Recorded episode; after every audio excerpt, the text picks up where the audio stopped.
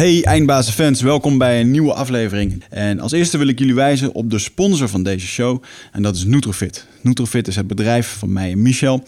Um, wij hebben ons de afgelopen jaren flink ingezet om uh, de grootste leverancier van Europa te worden als het gaat om supplementen voor je brein, zogenaamde nootropica. En op het moment dat je straks een keertje op een podium wil staan, of je hebt belangrijke presentaties, of je hebt uh, dingen te doen die uh, de nodige uh, mentale aandacht vereisen, dan kan ik je zeker adviseren om eens een keertje te kijken uh, bij onze uh, afdeling Nootropica. De supplementen die, die specifiek gericht zijn om jouw cognitieve vaardigheden te ondersteunen, zoals denken, creatief, creatief zijn, in de flow zitten. En uh, daar hebben we verschillende toffe merken voor die, uh, die allerlei mooie producten daar hebben. Bijvoorbeeld uh, Onnet, is uit Amerika bekend. zeker voor degenen die vaker naar podcasts in Amerika luisteren. Ze sponsoren ook heel erg veel podcasts. Alpha Brain heb je misschien wel eens een keertje van gehoord. Of de Bulletproof Lifestyle. Dat wil zeggen, um, kennen jullie dat? Koffie drinken met boter en MCT-olie erin. waardoor je ontzettend scherp blijft, omdat het gezonde vetten zijn met een gezonde boost cafeïne. Het zijn allemaal manieren die, uh, die je kan bedenken om uh, beter te kunnen presteren. Uh, op de werkvloer of in je dagelijkse dingen. Dus ga daar eens eventjes kijken. Gebruik de kortingcode EINDBAZEN en je krijgt 5% korting. Vind je het niks, het product wat je hebt besteld, dan mag je dat terugsturen en dan krijg je gewoon je geld terug. Als tweede mededeling is dat Michel en ik een nieuwe groep masterminders gaan begeleiden. Dat wil zeggen dat wij 10 ondernemers dit jaar gaan begeleiden. Dat is de tweede groep waarmee we dit gaan doen. Eén groep die is in januari gestart met, uh, met waanzinnige resultaten. En daarom hebben we besloten om een, een, nieuwe groep op te gaan richten. Die zal waarschijnlijk starten in november. En, dan gaan we een jaar lang aan de slag met je onderneming. En we ondersteunen je daarin met uh, de problemen die je ervaart, die je op dit moment niet laten groeien. En vaak zijn we de grootste uh, het grootste probleem zijn we vaak zelf. Dus in zo'n jaar krijg je ontzettend veel inzicht over jezelf, over je business, over je onderneming. Uh, wat je daaraan kan verbeteren. Uh, dat doen we door met behulp van verschillende sprekers die bij ons komen. de sprekers die geven je inzicht over jouw persoonlijke gedrag, over je emoties, maar ook bijvoorbeeld over hoe je je bedrijf kan groeien, hoe je goede sales kan doen. Alles wat belangrijk is om die onderneming te laten groeien. Mocht dit je interesse hebben, kijk dan eventjes bij ons op de website op uh, eindbazen.nl. En daar staat op de voorpagina een mooie link, een mooie kop waar je eventjes op kan klikken om uh, meer informatie hierover te krijgen. Eindbazen wordt gesponsord door Nutrofit. De webshop voor natuurlijke voedingssupplementen en trainingsmaterialen die je helpen bij het verkrijgen van Total Human Optimization. Nutrofit is hofleverancier van merken zoals Onnit, Natural Stacks en Bulletproof Coffee. Probeer onze producten zonder risico door onze money back guarantee. Bezoek ons op www.nutrifit.nl. Bestel je voor 9 uur s avonds, dan zorgen wij dat jouw bestelling de volgende dag geleverd wordt.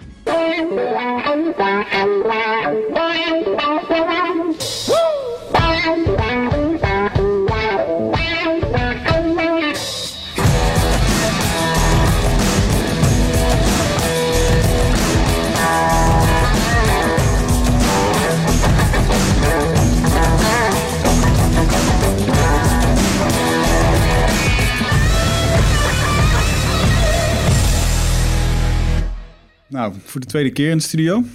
Yes. Dit keer voor een opname. Vorige keer toen uh, hadden we een miscommunicatie. Toen zaten we gewoon lekker koffie te drinken hier. Ja, dat is ook gezellig. En uh, vandaag hebben we in de studio... Uh, ja, beledig ik jou als ik jou zeg dat jij de Dan Brown van Nederland bent?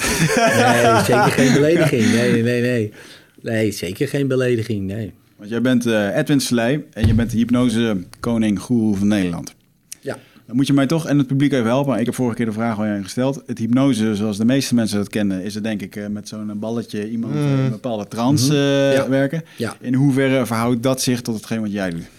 Uh, nou, ik heb daar een hele andere kijk op. Uh, ik, mijn kijk is dat iedereen in hypnose is. Um, en als mensen problemen ervaren, dat ze juist uit de hypnose moeten komen die ze hun probleem noemen. Dus ik, ik heb daar net even een andere kijk op. Okay.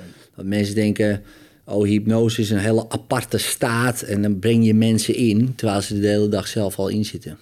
Ja, en wat doet, zo, wat doet, zo'n, wat doet, wat doet het oude hypnose-idee waar je tien mensen op een podium zet die je gekke dingen kan laten doen? Ja, nou ja, je laat die mensen eigenlijk, wat je, wat je, wat je doet, is uh, even, je laat ze meer openstaan voor suggesties. Nou, hoe doe je dat? Door ze in een lagere breinactiviteit te brengen, lagere hersengolven, alfa, theta, het liefste nog. ja, dan staan ze zo open voor suggesties... eh, dat ze eigenlijk bijna alles wel doen wat jij wil dat ze doen. Ik heb altijd het idee gehad, dat werkt niet op mij. Nee, maar ja, goed, dat denkt iedereen.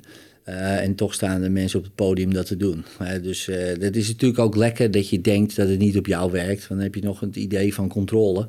Ja. Um, en dat, dat, willen mensen graag. Hè. De grootste angst is controleverlies. Dus, mm -hmm. dus we willen graag het idee hebben dat we in controle zijn. En dat is prima.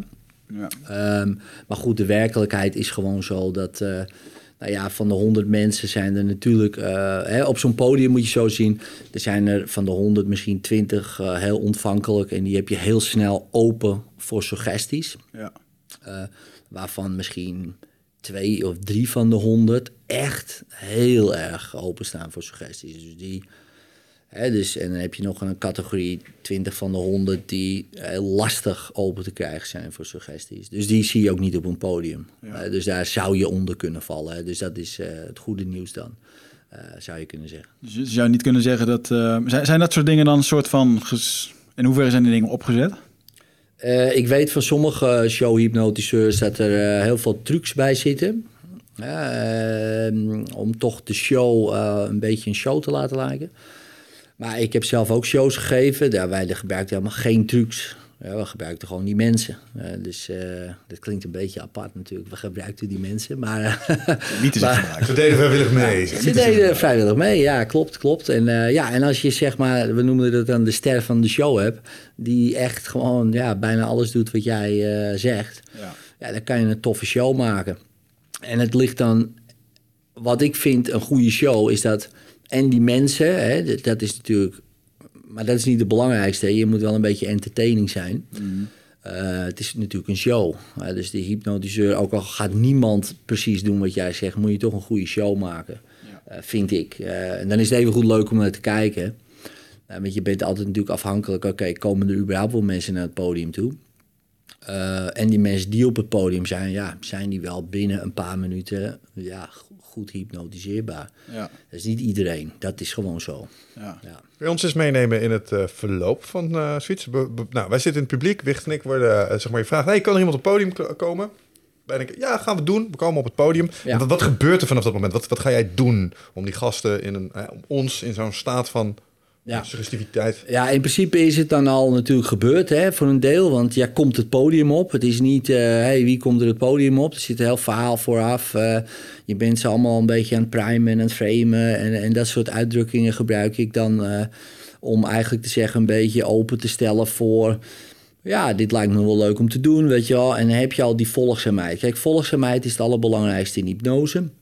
Uh, je wil dat ze gaan doen wat je zegt. En één stap is, uh, kom naar het podium. Ja, ik kom. Nou, dan heb je al één stap gezet. De belangrijkste, daar zijn ze er. Nou, dan komen er wat uh, testen. De ene, show, de ene showhypnotiseur die doet al testen met het publiek.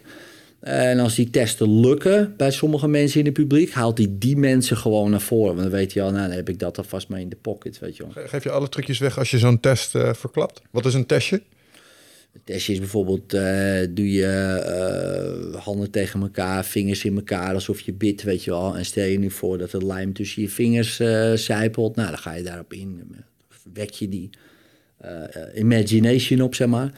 En op een gegeven moment merk je dat je handen vastzitten. En als je echt merkt dat je handen vastzitten, probeer je ze los te trekken, zou je merken dat het niet lukt. En hoe harder je trekt, hoe meer het niet lukt. Nou, op een gegeven moment zitten mensen, dat lukt echt niet. Ja, kom jij maar naar voren. Nou ja, dat weet je al. Ja. Die, die, die persoon die is heel ontvankelijk voor suggesties. Aha. Nou, en die wil je hebben op het podium. Ja, dus die, dus zo kan je ook selecteren. Je kan ook selecteren op, nou, je bent al lang al blij dat er überhaupt iemand komt en dan selecteer je.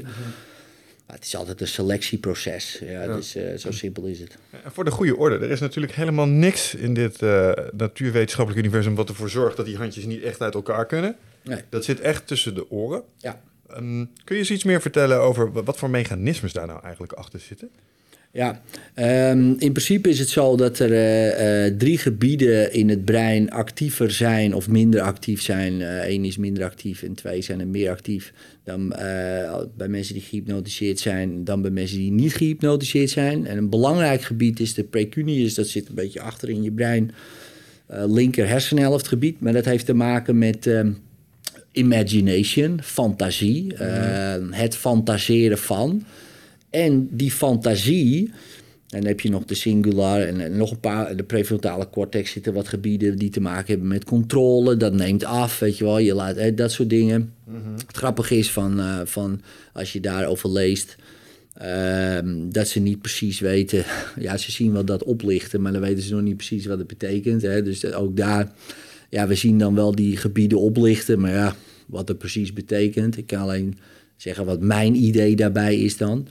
Is dat die mensen die eigenlijk ze- kan je zeggen, die fantaseren eh, gewoon de werkelijkheid. Dus die fantaseren, die gebruiken zo'n sterke imagination. Dat vind ik een mooier woord dan fantaseren, maar goed. Hè.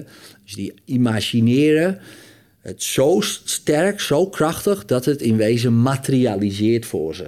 Dus, dus, eh, dus ze stellen zich dat zo hard voor dat opeens echt shit. En nu is het werkelijkheid. En dan is het ook zo. Want dat hebben ze zelf bedacht.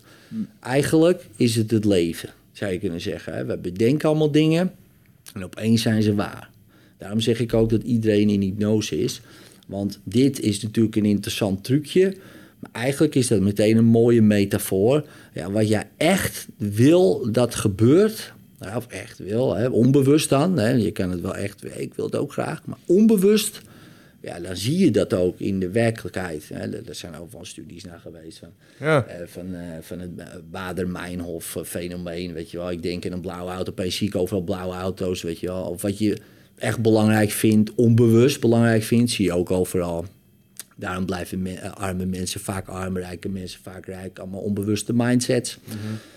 Die doen dat ook. Die creëren eigenlijk ook met hun imagination, zou je kunnen zeggen, met die onbewuste mindset ook een werkelijkheid. Ja, wij gebruiken dat eh, als, eh, laten we zeggen, een soort trucje. Eigenlijk gewoon een natuurlijk iets wat mensen bijna nooit zien. Dus daarom zien als iets magisch. Maar eigenlijk is het Ja. heel logisch eigenlijk. Waar, waar ik direct aan moet denken is aan swaap. Overtuiging. Dit, dit, dit staat of valt met je overtuiging die je hebt. Dus wat, wat jij doet is jij overtuigt iemand ervan en die Ja. gelooft echt dat dat niet kan. Ja. Daardoor verandert zijn werkelijkheid. En Ja. het, het is volgens mij bijna hetzelfde als waarom sommige tabletten wel of niks voor je doen als je denkt dat het wel of niets voor je doet. Dat staat of valt met ja, placebo of nocebo. Dat is hetzelfde mechanisme volgens mij. Ja, het, heeft, eh, het schuurt er tegenaan. Als ik dat zeg tegen eh, mensen die hypnose doen, zeggen nee, nee, hypnose is geen placebo. Ik zeg, dat zeg ik ook niet. Want we hebben, ze hebben aangetoond met een fMRI-scan dat er wel degelijk verschillende dingen oplichten in het brein die anders zijn eh, dan bij mensen die alleen maar geloven dat iets werkt. Hè? Dus zoals bijvoorbeeld die precunius eh, en dat soort gebieden. Maar dat wil niet zeggen dat het natuurlijk niet dat het los staat van elkaar. Want natuurlijk is dat geloof. Want als jij opeens denkt, shit, ja, wat gebeurt er daarna nog meer? Want ja, als dit kan, ja, wat kan er nog meer? Dat, dat gebruiken wij allemaal. Wij, wij, wij gaan er niet zeggen, oh nee, ja, we gaan nou wat anders doen. Nee, wij bouwen daarop voort. Als hypnotiseur en ook als therapeut.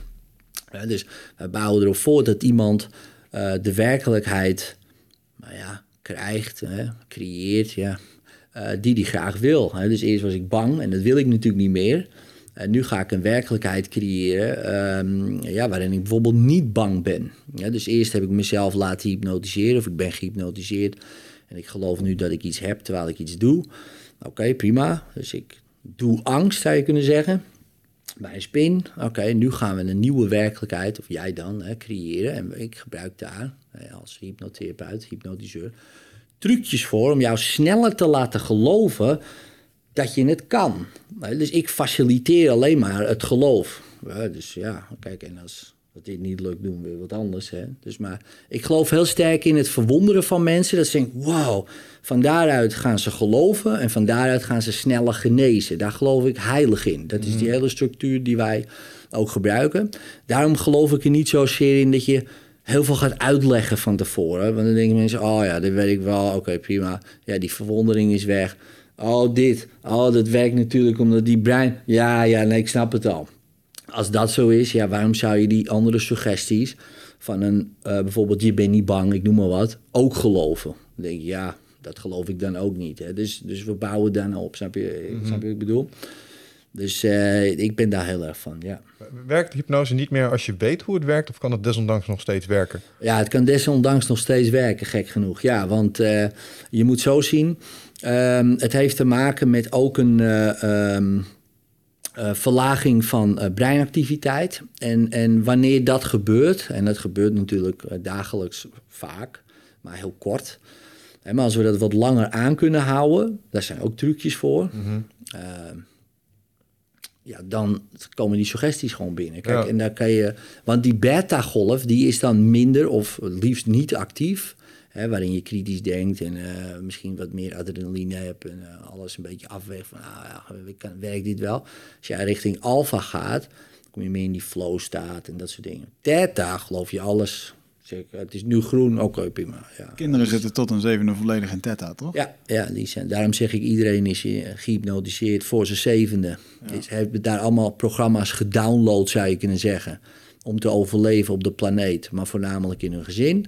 En na hun achtste, ja, dat klinkt best wel ro- robotisch bijna, maar na hun achtste ratelen ze gewoon de- die programma's af die ze daar geleerd hebben. En als daar niks aan verandert, en natuurlijk veranderen mensen eh, daar wel daarin, maar eigenlijk ja, onbewust meestal niet zo heel veel. Hè. Mensen die doen aan persoonlijke ontwikkeling. Zelfs die mensen, eh, ja, mag je je afvragen of het soms eh, handig is voor sommige mensen om aan persoonlijke ontwikkeling te doen. Denk ik wel eens. Waarom? Nou ja, omdat voor sommige mensen zijn die eh, programma's van vroeger misschien juist wel heel effectief. Oh, zo, ja. Weet je wel. En dan gaan ze bijvoorbeeld... eh, luister de laatste podcast van eh, een goede vriend van mij, Elko. Elko de Boer. En die zei van... ja, vroeger was ik best wel heel duidelijk. Zei ik gewoon tegen iemand van... als ik mij niet zinde... Van nee, ja, nee, dat vind ik niet tof, weet je. Doe maar niet. En toen ging ik een feedbackcursus volgen. Toen dacht ik, shit, ja, dat kan eigenlijk helemaal niet zo zeggen, weet je wel. Eerst moet je een compliment geven. Toen raakte hij helemaal een beetje van slag. en dan denk ik, ja, dan brengt het je verder af eigenlijk van eh, ja, wie je misschien gewoon al, al lang al wil zijn. Dus soms denk ik daar wel eens aan. Maar die, eh, die eerste zeven jaar, die, eh, die zijn wel bepalend, ja. Voor, eh, voor het grootste gedeelte. ja. En, ehm, en heel veel mensen die hebben dat gewoon niet door. Ja, ik wist niet dat, eh, dat eh, kinderen tot hun zevende in die eh, bepaalde, nou ja, hoe zou je dat zeggen, mentale staat, hersengolven. Kun- kunnen we daar eens iets dieper op ingaan? Want ik kan me voorstellen dat een boel mensen denken, alfa, theta, beta, waar hebben we het over? Want jouw hersenen zijn ook een soort zender, die kunnen bepaalde frequenties Ja. uitstralen. Hoe Ja. werkt dat? Nou ja, kijk, ik ben natuurlijk geen hersenwetenschapper, dus... eh dus, ook niet, eh, dus dat scheelt. eh, dus dat scheelt. eh, ik weet het, eh, je een linker en een rechter hersenhelft en ik weet een paar gebieden. Maar goed, ik, ben het, ik heb het natuurlijk niet eh, gestudeerd. Maar wat ik wel weet, wat onderzoek ook laat zien, als een baby geboren wordt... Kijk, dat brein is natuurlijk helemaal in ontwikkeling. Dat weten we natuurlijk allemaal wel, een baby helemaal natuurlijk. Eh, en die zit in de delta-staat. Nou, wat houdt dat in? 0,1 tot 4 hertz. Dus een hele lage hersengolf. Ja, dus die denkt verder niet na. Die heeft, die heeft al die energie nodig. Dus die, dat brein is, heeft weinig, want die verbruikt superveel energie. Hè. 20% in ruststand verbruikt die al aan energie. 2% van je lichaamsgewicht. Dus dat is... eh, hij trekt een heleboel eruit. Eh, dus voor die baby, ja, die heeft heel veel energie. Daarom slaapt hij ook zoveel. Als je mazzel hebt. Hè. Dus kijk, dit is ook niet, bij, ook niet bij iedereen zo. Eh, maar over het algemeen dan. Nou, dan groeien ze op. En dan vanaf, nou ja, 1, 2 wordt die eh, frequentie wat hoger. Dus van 4 tot eh 7 hertz is dan de theta-golf. nou, dat houdt in imagination. Hè? Dus dan gaan ze meer fantaseren, spelletjes spelen. Weet je, en dan krijg je ook... eh, ja, dat ze, ja, je kent het misschien wel als je kleine kinderen hebt... dat je binnenkomt, tenminste bij mijn zoontje toen eh, vroeger... eh, binnen zeggen, op, kijk uit pap, kijk uit. Dat is de oceaan, weet je wel. Er zwemt een haai, weet je. En dan, eh, ja, dat is niet zo, maar eh, natuurlijk. Maar dus ik speel mee... Maar ik zie dat niet. Maar hij wel. Hij zit er helemaal in. En als ik fout stap, oh, dat kan niet. En je ziet ook gewoon dat hij eh, zich helemaal daarmee vereenzelvigt. Mijn andere zoon, eh, dat viel mij toen op toen ik ook hypnose wat meer ging bestuderen. Ik zat een tv te kijken en een Pokémon was, het was een jaar of zes denk ik. Pokémon. En dat Pokémonnetje, dat had pijn. En ik zag, en die, die werd geraakt ergens op zijn borst. En hij deed, oh, zo- en hij deed zo zijn hand op zijn borst. En ik kijk er zo naar en shit man, hij heeft zich helemaal geïdentificeerd met dat poppetje. En wij als volwassenen doen dat minder. Ja, wij, Is dat ook niet wat een tv, wat een tv schijnt te doen? Dat je heel erg eh, de tv, dan zit je in een suggestieve breinstaat, waardoor Ja, dat heet- bent alleen maar ontvangend. Volgens mij is, is Ja. de staat waar je het over hebt, heet dat ook, dat is wat eh, elke film laat werken, suspension of disbelief. Met andere woorden, je weet dat het een tekenfilm is, maar je kan nu iets uitzetten waardoor je helemaal kan inleven in hetgeen waar- waar, waar je naar zit te kijken. Kinderen die kunnen dat aanzienlijk makkelijker als Ja. volwassenen, Ja. maar jij hebt ook wel eens een moment dat je echt even helemaal in de film zat. Ja, ja, Weet je wel? En dat is die Ja. staat die Op jij het bedoelt. moment als iemand Ja. anders tegen je zegt van... hey, wil je wat eten? En dat je geen, ja, geen ja, antwoord komt. ja, Ja, dan zit je in een hele lage breinactiviteit. Maar die kinderen zitten zo laag dat ze zich letterlijk identificeren. Maar dat is ook logisch, want ze leren natuurlijk. Hè. Dus ze leren van iedereen. Want ze zitten gewoon in een leerstaat. Dus eh, ze identificeren zich met papa en met mama. En als mama boos wordt, dan voelen ze dat, die, dat ze boos is. En als mama dan zegt van nee hoor, er is niks aan de hand. Oh, dan moet ik dus als ik boos word zeggen dat er niks aan de hand is. Weet je, ze leren allemaal super ve- veel dingen die ja, achteraf misschien minder handig zijn. En sommige heel handig. Niet te voorkomen. Eh, en, maar het is niet te voorkomen. Nee, het is 24-7 zitten ze in die staat. Eh, ja, jij bent gewoon natuurlijk jezelf, hè, tussen haakjes als ouder. En eh, ja, jij draait ook je programmaatjes af. Die kinderen nemen die programmaatjes mee. En hoppakee, weer een generatie die eh, dat afratelt. Hè, mits er niet iets, eh, iets, iets verandert. Want je kan natuurlijk wel veranderen. Eh, maar die staat, die eerste zeven jaar, is, super bepaald. En volgens mij 400, 500 jaar geleden, volgens mij de Jezuïeten, die zeiden al van... ja, laat mij een kind zien eh, van zeven jaar en ik weet precies de man die het wordt. Weet je? Dus, want daarna is er toch eigenlijk niks meer te doen. Dat, dat zeiden ze honderden jaren geleden al. Zonder dat ze toen wisten, wisten dus, eh, ehm, of konden meten, moet ik eerder zeggen van die, van die hersengolven. Nu kunnen we dat meten. Ja, dan zien we gewoon inderdaad, na de achtste jaar is de breinactiviteit bijna hetzelfde als een volwassene. 93% van de tijd zit je in de beta-golf, 93% van de tijd doe je voorspelbaar gedrag. Nou, There you go. ja, daar ga je. Ja. In de Matrix. In de ja. matrix, ja, ja, ja, de- in de matrix, ja, ja, dat, ja dat, je bent plugged in, klaar, hoppakee, ratel af, kinderen, gaan we ook weer inpluggen. Ja, het klinkt allemaal een beetje heel, misschien voor sommige mensen vervelend. Ik zie het juist als, eh, als je juist daar bewust van bent, dat je denkt, oh wauw, interessant. Hoe kan ik dit anders doen? Weet je? Dus, eh, want dat vind ik interessant, want dat kan wel. Eh, ook dat, ook daar zijn dingen, ja, niet op heel veel manieren kan je veranderen. Ehm Eén is eigenlijk gewoon herhalen van iets heel anders doen. Is het altijd nodig om terug te gaan naar beneden in je hersenactiviteit om dat soort voorprogrammeringen te ontbinden? Nee. Want dat is eigenlijk wat ik je hoor zeggen. Hè? Je Ja. krijgt een soort default pro- programmering mee tot Ja. zevende. Ja, En daarna is het aan jou om op basis van wat je tegenkomt eh, daaraan te gaan sleutelen. ja, En kleine veranderingen door te voeren. En als je een volgende generatie in deze wereld zet, geef jij daar op die manier in de eerste zeven jaar de verbeteringen door. ja.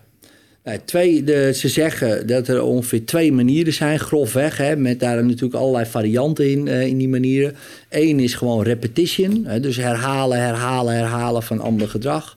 Dus ik kan bijvoorbeeld niet, eh, ik noem maar wat, eh powerlifting, noem maar wat. Oké, nou dan ga je dat de hele tijd herhalen totdat je het wel kan. En opeens ben ik een powerlifter en heb ik een nieuwe identiteit. Zeg ik, ik ben nou een powerlifter. Nou, dat zien we ook overal. Dus dat, kan je, dat kan. Dus dat, dat, dat brein, dat kan dat gewoon. Heb je een nieuw programma. En de andere is hypnose. Oftewel in een trance-achtige toestand. Dat zie je ook met EMDR, dat zie je met EFT. Nou, noem al, al, bijna alle therapieën maar op die je kan bedenken. Zelfs cognitieve gedragstherapie werkt eigenlijk alleen maar als iemand in trance gaat. Want anders wordt het gewoon rejected de hele tijd. Zeg ja, nee, werkt voor mij niet, werkt voor mij niet. Nee, anders denken kan ik niet. Die zit alleen maar zo. Totdat ze opeens een inzicht krijgen. Oh, wauw, waar komt die vandaan? Theta waarschijnlijk, alpha, ergens onbewust. Oh, nou snap ik het. He, he. Ja, nou, daar hebben we daar zo lang over moeten doen. Is dat, is dat, dus, is- eh, geldt dan ook regressietherapie daaronder? Ja, Want ik kan me herinneren bij de regressietherapie sessies die ik had, dat ik gewoon zat te vertellen over een ding. Er werd wat opgeschreven. En eh, vervolgens was het, nou, ga maar liggen. En dan eh, sluit je ogen maar, adem maar een paar keer goed en ga maar eens terug naar die eerste ring. Dat was het. Er zat helemaal geen hocus pocus af. Maar je zal je verbazen hoe snel dat je een soort van af kan zakken naar die rustige staat. En dat je het voor je ziet en vervolgens ligt het huilen op een bank. ja. Bijvoorbeeld. Ja, bijvoorbeeld, Ja, ja, bijvoorbeeld, ja. Maar dan ga jij dus in die lagere breinactiviteit. Ja. Want als jij je ogen dicht doet al, ga je al in die lagere breinactiviteit. Hè? Met lagere beta, sommige mensen al meteen alfa. Kijk, als je veel mediteert en je gaat zo in een bepaalde houding zitten, hoppakee, je breinactiviteit gaat omlaag. Dan ben je gewend, het is gewoon een, een anker. Nou, van daaruit kan je makkelijker uh, dingen veranderen. Ja, dat, dat is gewoon zo. Ja, en als je technieken daarop loslaat, zoals een regressie bijvoorbeeld, of, of andere hypnotische technieken, of EMDR, of, uh, maakt niet uit wat, uh, wat dan je favoriete manier is, mm. dan werkt het. Ja. Ja, dus, Jouw manier vind ik wel grappig, want ik heb natuurlijk jouw boek gelezen. en ehm, laat ik het zo zeggen, ehm, toen we het hier bespraken, en toen je het op, je hebt het ook op mij gedaan, Ja. op dat moment werkte dat, was Ja. instant een soort van gevoel van shit, ik kan dat Ja. oude gevoel niet oprakelen, Ja, of ik herken het niet meer. ja. Eh, het is net over, het is later wel weer teruggekomen op een manier. En ehm, ik heb vaak het boek gelezen en dan denk ik alle stappen. Het is zo verdomd lastig om, om het op jezelf toe te passen. ja. Maar misschien kan je eerst eens wat uitleggen over jouw eh, methode. Ja, nou ja, kijk, ehm, de methode die wij toepassen bij Hypnose Instituut Nederland is eigenlijk eh, eh, drie stappen: is verwonderen, eh, geloven, genezen. En dus we willen mensen laten verwonderen. Dat ze van wauw, wat jij ook ervaren, zo van oh wauw, dit is apart. Nou, dan ga je het meer geloven. Nou, en de kans is dan groter dat je gaat genezen. Hè, dat doe je dan zelf. Dus dat is, eh, dat is altijd een beetje het, frame waarin eh, we werken. Nou, dan in mijn boek staat dan eh, vier denkfoutjes die ik vaak tegenkom bij mensen. Ehm, die je eigenlijk denkgoed moet zien te maken. En die ene is dan focussen op wat je wel wil. Nou, dat zie je, lees je ook overal terug. Weet je wel, ja, je moet je focussen op wat je wel wil. Maar dat is ook echt heel belangrijk. Want ja, dit, wat ik al zei, één manier om iets te veranderen is repetition. Ja, als je natuurlijk alleen maar gaat repeteren wat je niet wil. En je onbewuste vindt dat heel lastig. Hè? Denk niet aan blauw, denk niet aan blauw, niet aan een roze olifant, niet aan die. Aan, nou ja, je weet hoe het Niet werkt. meer zonder geld, dat soort dingen. Ja, nou, en dan denk je alleen maar daaraan. Hè, Je maakt daar beelden bij, ideeën bij. Nou, en dat wordt alleen maar verankerd. Nou, al dat gedoe. Dus eerst wat je wel wil. Tweede is dat je niks hebt, maar dat je dit doet. Nou, wat, wat daar belangrijk aan is, is dat het label, hè, en of, eh, los van het feit of het waar is of niet, hè, daar gaat ik, ga ik niet over. Hè. Als iemand zegt, ja, ik heb, een klinische depressie, ik ga niet in discussie of je het eh, of die diagnose wel of niet goed is. Ik ga ervan uit, dus prima, de psychiater heeft dat zo gediagnosticeerd. Ik geloof het, ja. Dus, maar gaat het je helpen om iets anders te doen? Waarschijnlijk niet. Ja, dus, eh, dus, en, en dat is altijd een keus die bij mensen ligt. En daar ben ik niet van natuurlijk. Maar wat ik wel weet is... ehm, kijk, een glas heb ik nu in mijn hand. En als ik hem niet meer wil hebben, dan zet ik hem neer. Dat is een zelfstandig naamwoord, ja. Taal, ja. Het glas. Maar de depressie of... Hè, nogmaals, los van het feit eh, of het echt zo is of niet. Of eh, de angst, ja, die kan ik niet vastpakken. Dus dan heb ik mezelf, ga ik hypnotiseren in iets dat ik heb. En op het moment dat ik het geloof, kom ik er nooit meer vanaf. Want ik, het bestond al niet als ding. Op het moment dat ik zeg, oké, ik doe het, ik weet niet hoe, neem ik alle verantwoordelijkheid ervoor. En dan kan ik ook de volgende, volgende stap maken. Of eigenlijk ook focussen op wat ik dan wel wil gaan doen, bijvoorbeeld. Nou, Dus die twee principes, die vind ik eh, heel belangrijk. Vooral, vooral de tweede, want dat is echt zo'n hypnotisch iets. Echt die taal. Mensen hebben het niet door hoe ze zichzelf vastzetten in... Ja, maar ik heb een probleem. Ik zeg, waar is hij dan? Ja, nee, die ligt bij mijn vrouw. Ik zeg, nou, laat hem daar liggen. Dan voel jij je prima. Ja, nee, ja, maar zo werkt het niet. Ja, maar zo, dat zeg jij wel de hele tijd, weet je wel. Je, maakt jezelf helemaal gek. Door, eh, en ik doe dit ook. Ik zit er ook middenin. Het is niet dat ik dat... Want onbewust ratel ik ook programma's af. Het programma, oké, waar zit dat dan? Nou, daar kan je helemaal op losgaan. Dan word je ook net te gek. Maar, maar je doet het, oké. Dan een andere, het heeft een positieve intentie. Hè, van mensen denken dat ze dingen doen om zichzelf te, te straffen. Of eh, dat ze een soort van bijna martelaar zijn of weet ik veel.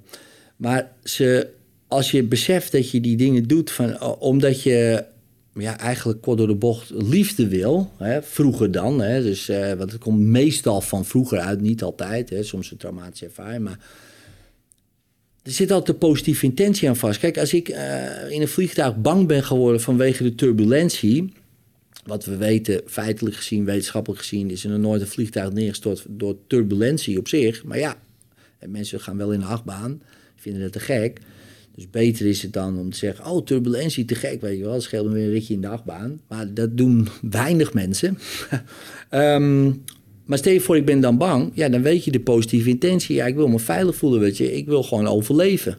Dus ik heb liefde voor mezelf genoeg om niet in dat vliegtuig te stappen. Dat is natuurlijk een hele andere manier van denken dan, ja, zie je ook binnen angstdagen, weet ik veel wat je allemaal over jezelf zegt. Nee, ik heb, uh, ik heb liefde voor mezelf genoeg om niet in een vliegtuig te stappen. Als je dat al zegt tegen jezelf, denk je, nou, dan stap ik wel gewoon in een vliegtuig. Waar, sla, waar slaat het op? Ja, precies, waar slaat het op? Want het slaat eigenlijk uh, nergens op. We kunnen het allemaal wel begrijpen.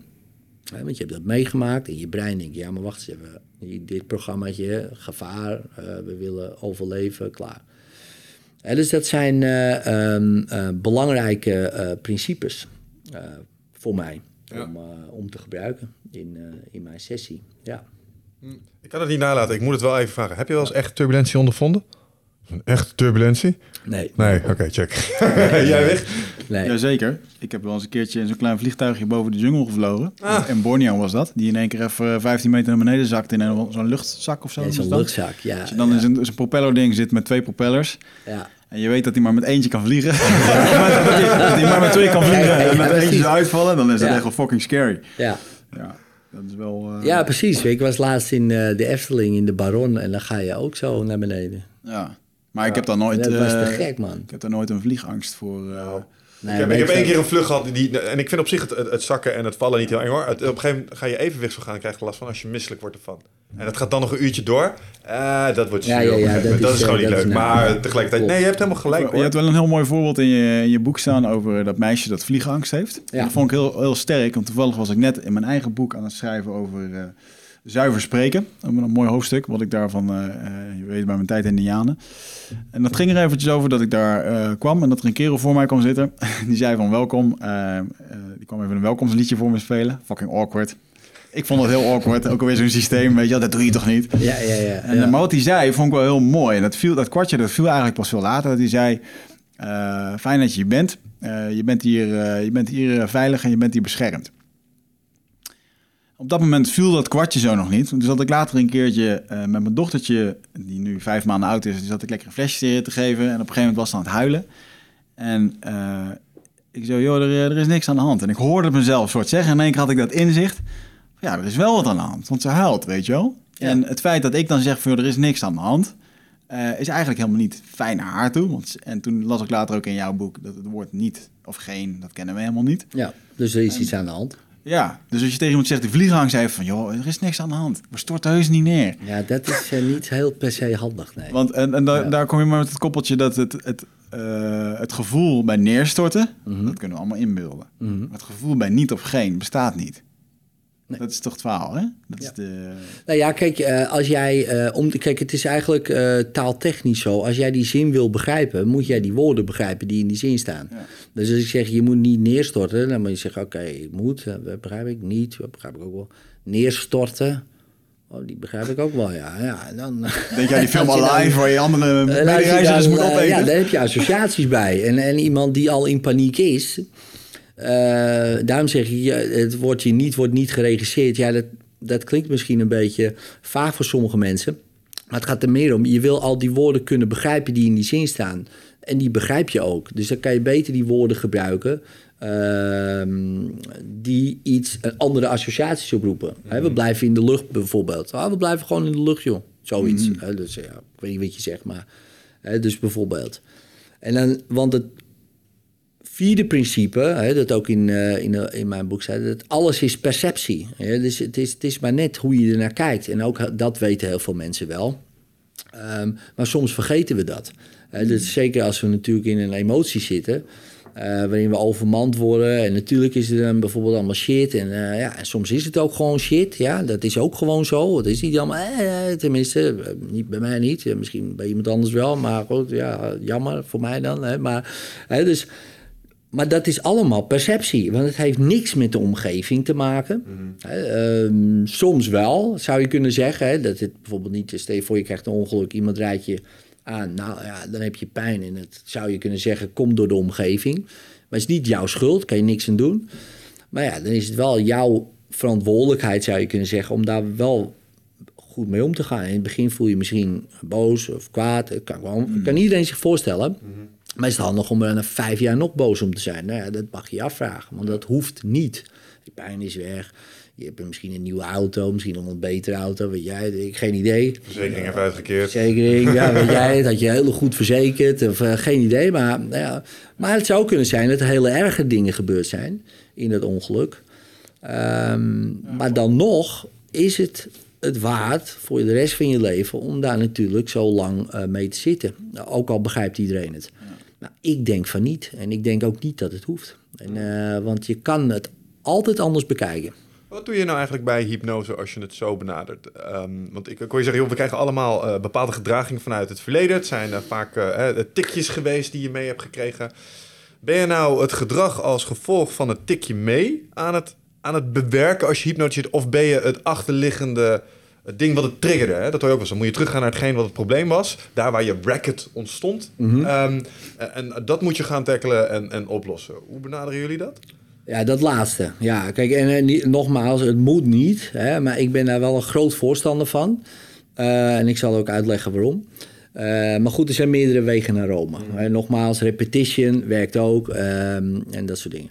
Maar als je terug gaat naar het ontstaan, hè, wat mensen dan in hun idee hebben van wat het is ontstaan. En je bent bijvoorbeeld drie jaar oud en uh, ja, je, je, je ziet je ouders ruzie maken en ze maakt altijd ruzie en jij hebt dat opgepikt. Dan zie je wel, het is altijd mijn schuld. Mensen laten me altijd in de steek. Weet ik veel wat je erover hebt bedacht. Hè? Want daar komt het op neer. Dat was jouw perceptie toen. Ja. Nou, dan ga je terug.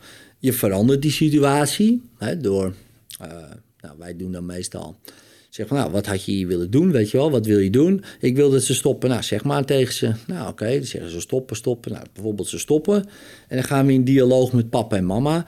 En wat wij dan doen in onze techniek is dat we papa vragen als kind, uh, of eigenlijk vragen. Uh, dus dat laten we die persoon stappen in die vader. Uh, dus nu ben jij je vader, dus dat doen we een soort van familieopstelling zou je kunnen zeggen in hypnose. Vraag gewoon die vader, goh, ja, wat vind je ervan dat je dochter bijvoorbeeld zegt, ja, ja, dat vind ik wel erg, dit en dat, oké. Okay. Heeft ze gelijk? Ja, ze heeft wel gelijk. Hou je van haar? Ja, ja. Ligt het aan haar? Nee, nee, nee. Natuurlijk niet. Oké, okay, zeg even tegen haar. En op dat moment print eigenlijk, hypnotiseert die vader zijn dochter met goede overtuigingen. Ah. Dus van, ligt niet aan jou. Oh, gelukkig. Weet je. Kinderen denken altijd dat het aan hun ligt. Als ze ouders scheiden, oh, is mijn schuld. Ik had liever moeten zijn bij papa. Ik had liever moeten zijn. Dat is nooit zo natuurlijk. Maar goed, uh, dus nee, het ligt niet aan jou. Je hebt gelijk. Met andere woorden, je kan vertrouwen op wat je denkt, voelt. Dat, dat vind ik belangrijk voor Mhm, mensen. En er wordt van je gehouden. Dus papa zegt gewoon, ik hou van je. Wat natuurlijk de allerbelangrijkste waarde is die je wil horen, horen voelen, merken als kind. Van ja, ik word geliefd, weet je, ik word gewaardeerd, ik ben goed genoeg. Dat zijn meestal de overtuigingen waardoor mensen zich slecht voelen. Andersom dan, hè. ik ben niet goed genoeg, ik ben niet waardevol of wat dan ook. Die printen we in, liefst nog door papa en mama, de opvoeders. Bam, opgroeien, sessie geslaagd, als je mij vraagt. Maar niet alleen die sessie geslaagd, maar ook voor de rest van je leven heb je altijd dan het gevoel, onbewust, ah, ik ben goed genoeg, ik ben waardevol dit. Zou iedereen eigenlijk ingeprint moeten krijgen, vind ik. Maar ja, bij heel veel gebeurt het natuurlijk niet. Ja. En resulteert die reframe van een dergelijk trauma dan ook um, automatisch in ander gedrag? Of gaat daar langer overheen? Of moet je ook nog naar dat gedrag gaan kijken? Nee, dus direct ander gedrag. Dat is ja. interessant, man. Ja, direct ook. Hè. Dus, uh, en dat is soms wel... Uh, dat is heel positief en soms niet. Hè, want, zeggen, uh, anders uitpakken natuurlijk. ja, want je kan je voorstellen, moet je je voorstellen... Dus bijvoorbeeld je vrouw of je man die... ja, ik ga even naar een sessie. Oké, okay, tof, ja. 20 jaar lang heb ze problemen. Ja, slaaf geweest, onderdanig. Boom. ja, en, en, en daarna uh, anderhalf uur met, uh, met Edwin of iedere andere willekeurige hypnotherapeut die heel goed werk verricht. Uh, komt ze thuis. Wauw, ik voel me en, en die man die kijkt. En meestal gaat het goed, hè? Meestal echt 99 van de 100, 98 van de 100 gaat het goed. In de zin van, wauw, die man of die vrouw die ziet eindelijk... want we willen allemaal dat het met onze geliefde goed gaat. En ja. als we zien dat het goed gaat, denk ik van, fantastisch, weet je. Echt. Ja. En dat, dus meestal gaat het goed. Maar soms... Kijk, als jij vanuit dat oude programma die man hebt gekozen... of die vrouw hebt gekozen vanuit dat programma... en dat programma draait niet meer... Ja, waarom heb je hem of haar dan nog nodig? En dan kan het wel eens gaan schuren. Ik weet niet of dat erg is alleen. Nee, ik weet ook niet of het erg is. Ik denk niet dat het erg is, maar het kan wel even heel vervelend zijn. Ja, het kan ongemak, ongemak met Eh, zich zeker, meebrengen. Ja, eh, zeker. zeker als je kinderen hebt en eh, het is allemaal gedoe. Nou, eh, gelukkig meestal eh, werkt het precies de andere kant op. Maar het kan inderdaad voor... Ja, en ook op je werk bijvoorbeeld. Dat die baas zegt, ja, doe even dat. Nee, nee, nee, dat doe ik nou niet meer. Die best hé, je deed toch gewoon alles wat ik vroeg? Nee. Oh, oké. eh, nou, mensen moeten even wennen. Maar ook die persoon zelf. Want onbewust zegt hij dat. Zegt nee. En daarna denk je, wat zei ik nou? Want er zit er nog... Dat stemmetje komt erachteraan. En dat is wel grappig. Want mensen doen heel veel... Gaan ze een monoloog voeren van... Zou ik het wel of niet doen? Maar eigenlijk hebben ze het al gedaan. Niet dus dan. Hè? Want, want je doet eerst en daarna ga je erover nadenken. Mensen denken vaak andersom. Eh, dus ze zeggen eerst, nee, nee, nee, doe ik niet. En daarna denken ze, shit man, oh, wat- oh, hoe moet ik dat nou gerecht breien? En oh, dit. dat er een onbewust programma is van, ja, ik ben gewoon het waard om gewoon eh, mijn eigen ruimte in te nemen. Ja. Dat gesprek met jezelf voeren, heb ik een vraag over. Je hebt het eh, net gehad over repetition. Ja, Ehm, als ik het goed had begrepen, was het met name in, in handelen en in doen. ja. Zit er ook een waarde in repetition als in bepaalde dingen tegen jezelf herhalen? Zodat dat, in, dat interne gesprek, zeg maar, eh, vaak zie je mensen zichzelf mee de afgrond in lullen. Maar Ja. als dit klopt, zou je het ook omgekeerd kunnen inzetten misschien. ja. Werkt dat ook met, met verbale cues, dat, dat herhalen? Kun je daar ook mee herprogrammeren? Of moet het echt gewoon zijn, nee, je voert een gesprek, je gaat nu andere dingen doen, dat herhaal je, dat doen. Ja, ik wat geloof, ik ja, ja, ik, ja, ik denk dat ik het begrijp. Maar ik, ik geloof meer in eh, handelen en dan anders denken. Hè? Dus eh, anders voelen, anders denken dan andersom. Maar het kan wel. Ja, dus eh, daar ben ik zeker wel. Ja, dat, daar zijn ook al genoeg mensen het bewijs van. Eh, maar dan moet je natuurlijk Oh. wel geloven. Kijk, als ik bijvoorbeeld te zwaar ben en ik ga voor de spiegel staan en zeg: Oké, je, je bent slank, je bent slank, je bent slank, je bent slank. Ik ga mezelf goed affirmeren, zoals Mhm. dat dan. En een ander stemmetje in mijn hoofd zo... Echt niet, jongen, echt niet, echt niet. Je bent dik, gewoon dik, dik, dik, dik, dik. En die zit er de hele tijd... Ja, dan heeft het alleen maar een averechts effect. Word je er juist ongelukkig van. Dus stel je eigenlijk wat je zegt is, eh, denken volgt handelen. Dus als jij gaat handelen op een bepaalde manier, dan ga je op een bepaalde manier denken, want Ja. je ziet het bewijs voor je. En eerst denken van ik ga afvallen, en dan pas naar de sportschool is een andere route. is lastiger. Ja, ik denk, dat het, Hmm. ik denk persoonlijk dat het lastiger is. Maar goed, misschien... eh, er zullen altijd uitzonderingen zijn op de regel. Die zeggen van ja, Edwin, jongen... Juist doordat ik anders ben gaan denken, ben ik anders gaan handelen. Top, super. Ja, ik ga er helemaal niet tegen. Helemaal top. Ja. Eh, voor mij werkt het persoonlijk het beste. En ik zie dat ook eh, in, in, in mijn praktijk dan. Hè, maar dan ben je natuurlijk ook eh, biased, hè, want je ziet dan alleen die mensen. Maar eh, als mensen anders gaan voelen over zichzelf, gaan ze automatisch anders denken over zichzelf. Eh, en automatisch anders handelen. Ja. Dus, dus dat echt onbewust handelen. Dus niet bewust gaan nadenken, oh, ik moet nou dit gaan doen. Maar dan verlies je altijd van je onbewuste programma. Als, jij kan bewust die Ben Jerry niet willen eten. Nou, geef ik je veel succes als je onbewust dat heel graag wil. Want dan ga je verliezen. Dat is, dat is een miertje tegen Goliath, bij wijze van spreken. Nou, en dat miertje probeert Goliath over de streep te trekken. Ja, we moeten naar die sportschool. Ik heb beter Goliath herprogrammeren. Dan stampt Ja. hij dat miertje wel kapot. Maar is het mogelijk om Goliath te herprogrammeren? Want ik heb dit ook wel eens gehoord. hè. Er is zo'n plaatje van de hersenen. Dan heb je de neocortex, het limbisch systeem en Ja. je reptiele brein. Ja, reptiele brein, En dan zeggen ze altijd zo van... eh, joh, je denkt dat je het hier tegen hebt, tegen je neocortex. Dus je denkt dat je met je ratio aan het praten bent. Eigenlijk ben je aan het kletsen met je emotionele vierjarige kind. Maar degene die het voor het zeggen heeft onder de streep is dat reptiele brein. dus die, die zegt gewoon wel of niet. Ja. Hoe, hoe verhoudt hypnose zich tot, tot, tot die dynamieken? Want je zit heel erg in je neocortex te werken eigenlijk, hè? Eh, nee, in wezen zit je meer in het limbisch systeem te werken.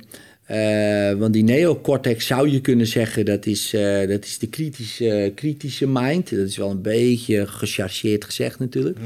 Eh, maar je gaat, nogmaals, je gaat weer helemaal terug naar de tijd. Daarom ben ik zo'n voorstander van regressie. dat je 0 tot 7 jaar, dat je eigenlijk open stond voor allemaal suggesties. Natuurlijk heb je een neocortex, begrijp me niet verkeerd. Natuurlijk denk je na. Natuurlijk ben je allemaal dingen aan het bedenken op die leeftijd. Maar er zit weinig referentiekader en weinig kritische mind nog. Eh, dus daar kan je heel veel doen. Dus dat is één. Het tweede is, een reptiele brein wil in principe maar drie dingen afvinken. Is het veilig, is het simpel, is het nieuw? Ja, als je dat een beetje zo. Daarom geloof ik sterk in het verwonderen. Mensen verwonderen en denken, wow, dit is nieuw. Het is veilig, want ja, ik, hè, ik word niet aangevallen, dus ook oké, weet je wel. En het is eigenlijk heel simpel. Ik krijg het niet meer weg. Die handen zitten vast.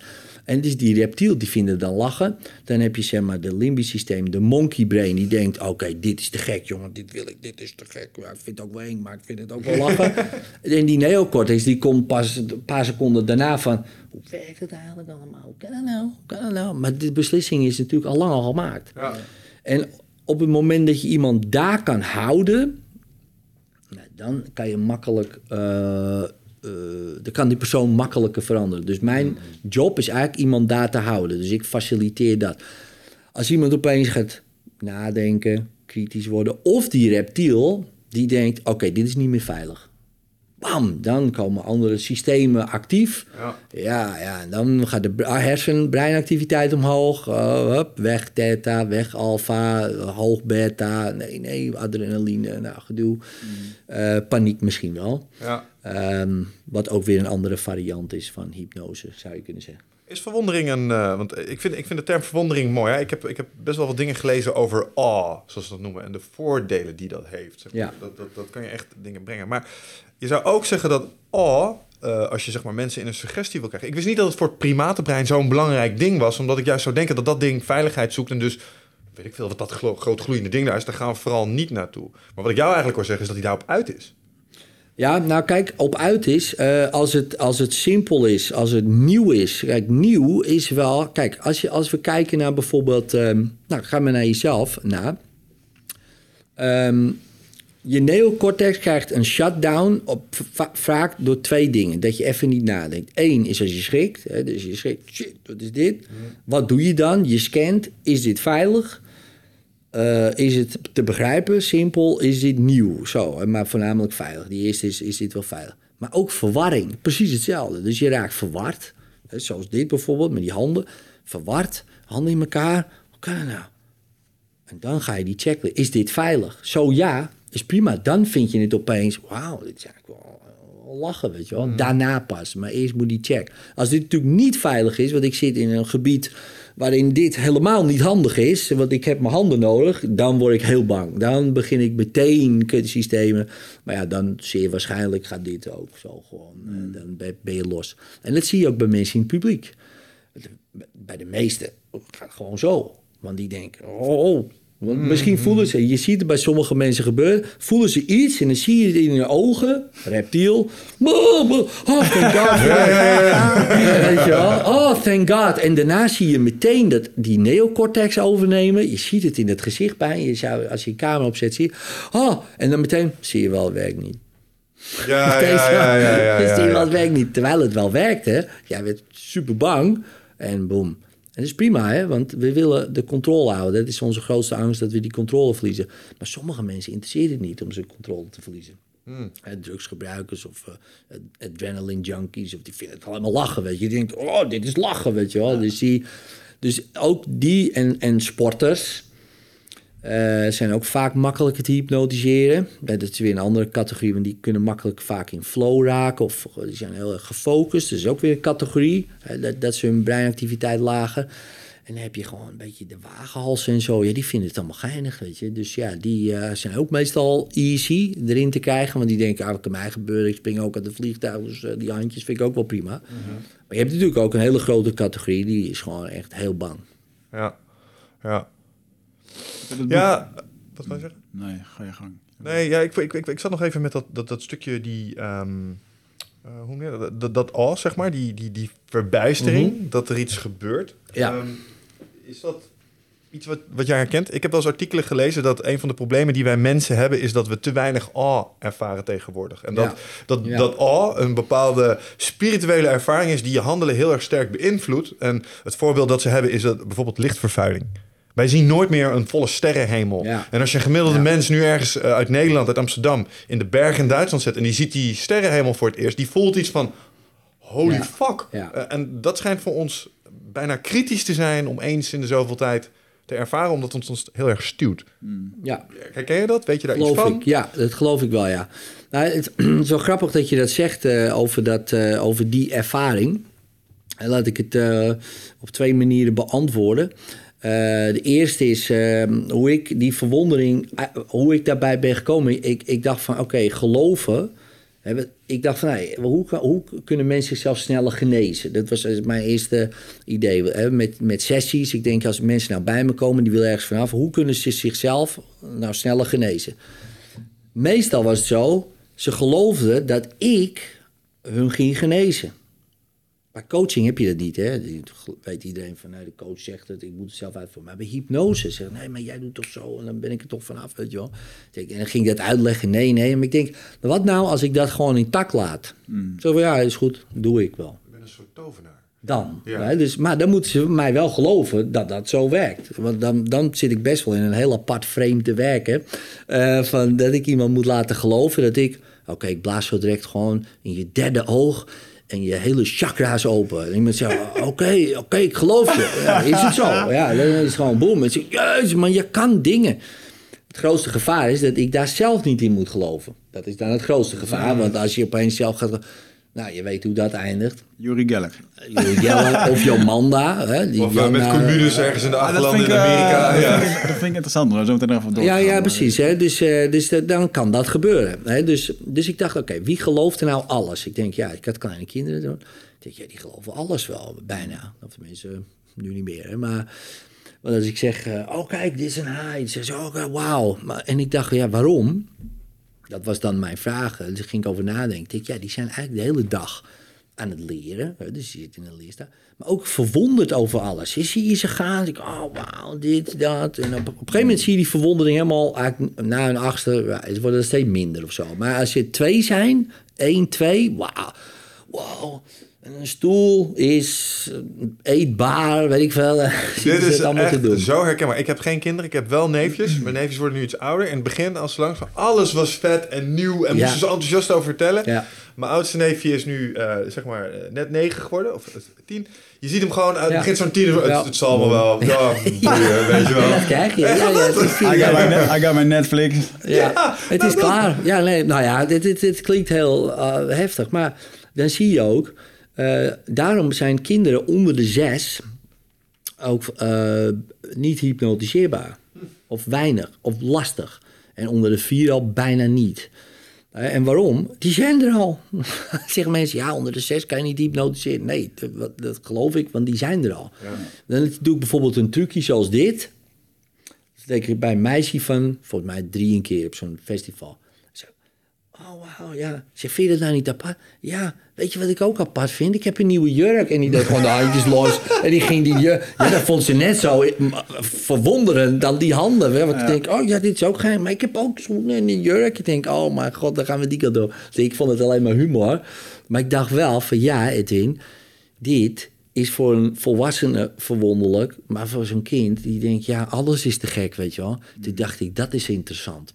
Denk, stel je nou voor, we kunnen mensen in die staat krijgen, al is maar even zo van wow, dan gaan ze dus meer geloven. Nemen ze sneller mijn suggesties aan. Ze geloven dat ik iets kan of wat dan ook. Prima, wat ze willen geloven. Ik vind het goed als het het helpt om hun genezing uh, sneller uh, voor elkaar te krijgen. Ik vind het goed.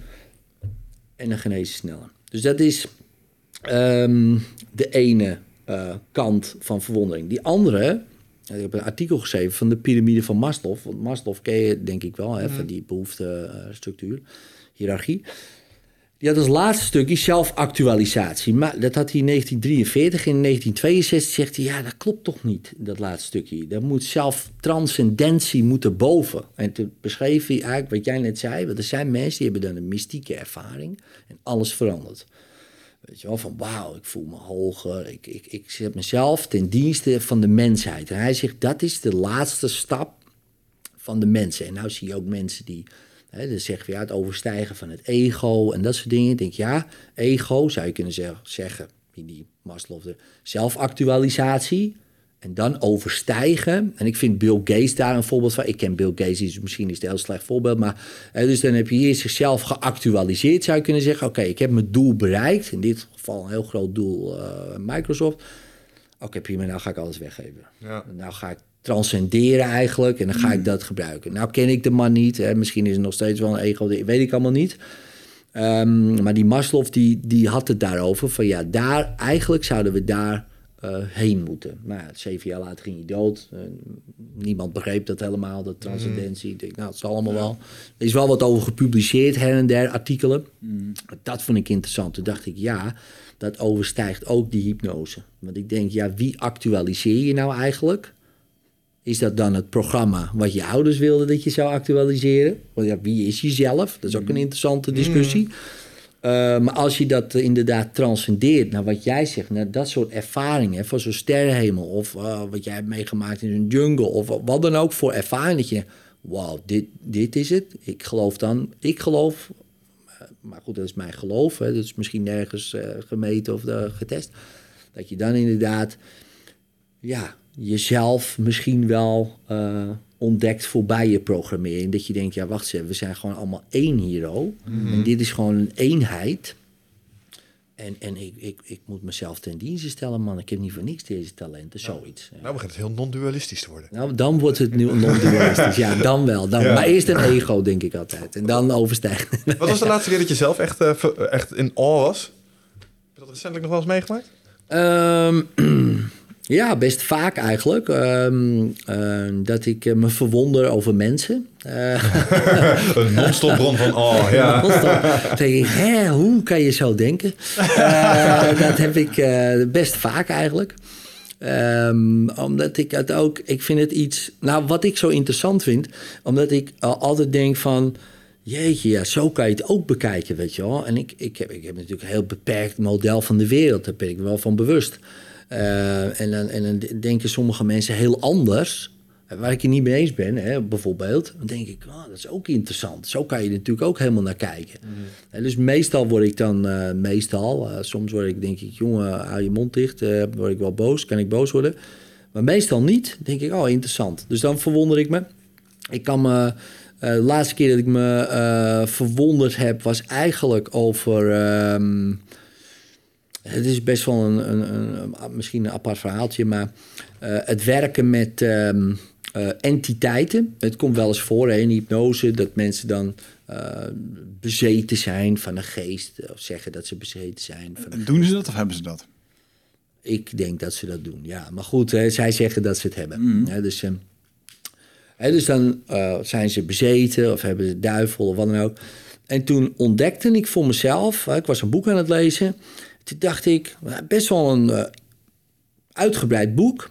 En toen kwam ik eigenlijk achter dat ik best wel een talent heb om een heel ingewikkeld boek tot een heel simpele techniek te maken. En toen was ik verwonderd. Ik stond onder, meestal heb ik die, die soort idee onder de douche. Mm -hmm. Dan douche ik drie kwartier. Dat is heel slecht voor het milieu. Maar ik denk, nou, dan eet ik maar geen vlees. Dan uh, heb ik dat... Uh, ja, dat vandaag. Kan ik dat vandaag kan ik, ja, precies, kan ik dat levelen. Um, en toen ging dat... Uh, meteen had ik ook een training voor een groep. Toen gingen we meteen die techniek doen. Ik denk, nou, ga ik kijken of dat ook dan werkt. Hè. Dus gingen die cursisten doen. Dat was fascinerend. Die mensen haalden allemaal dingen uit hun systeem en delen. En, en heel simpel, heel krachtig en voelden zich daarna beter. Nou, toen was ik dus verwonderd. Dacht ik, wauw, ja, dat is ook een coole techniek. Heel simpel. Je ziet sommige mensen heel, nou ja, lang daarmee bezig zijn. Hè, met zo'n bijvoorbeeld een uitdrijving. Heb ik wel eens gezien bij mensen. En dan zijn ze soms een uur bezig. En sommigen veel sneller. En sommigen dit. Dat vind ik altijd een fascinerend schouwspel altijd. Mm -hmm. En toen uh, ontdekte ik voor mezelf die techniek. En dan ben ik ook gaan toepassen op sommige cliënten die dat dan ervaren. Ja, dat is eigenlijk super simpel. Je bent exorcismes aan het doen, is wat je eigenlijk zegt. Ja, ja, ja, ja, ja. Dat vind ik gewoon leuk. Maar een exorcisme... Dat vind ik gewoon mooi, ja. ja, ja. Maar een exorcisme, nou ga ik iets heel interessants zeggen. Misschien, uh, voor sommige mensen. Uh, sommige mensen zeggen, ja, daar geloof ik helemaal niet in, weet je, bezeten, uh, een geest of wat dan ook. Maar sommige mensen zijn bezeten, dat kan je zeggen, van hun ex.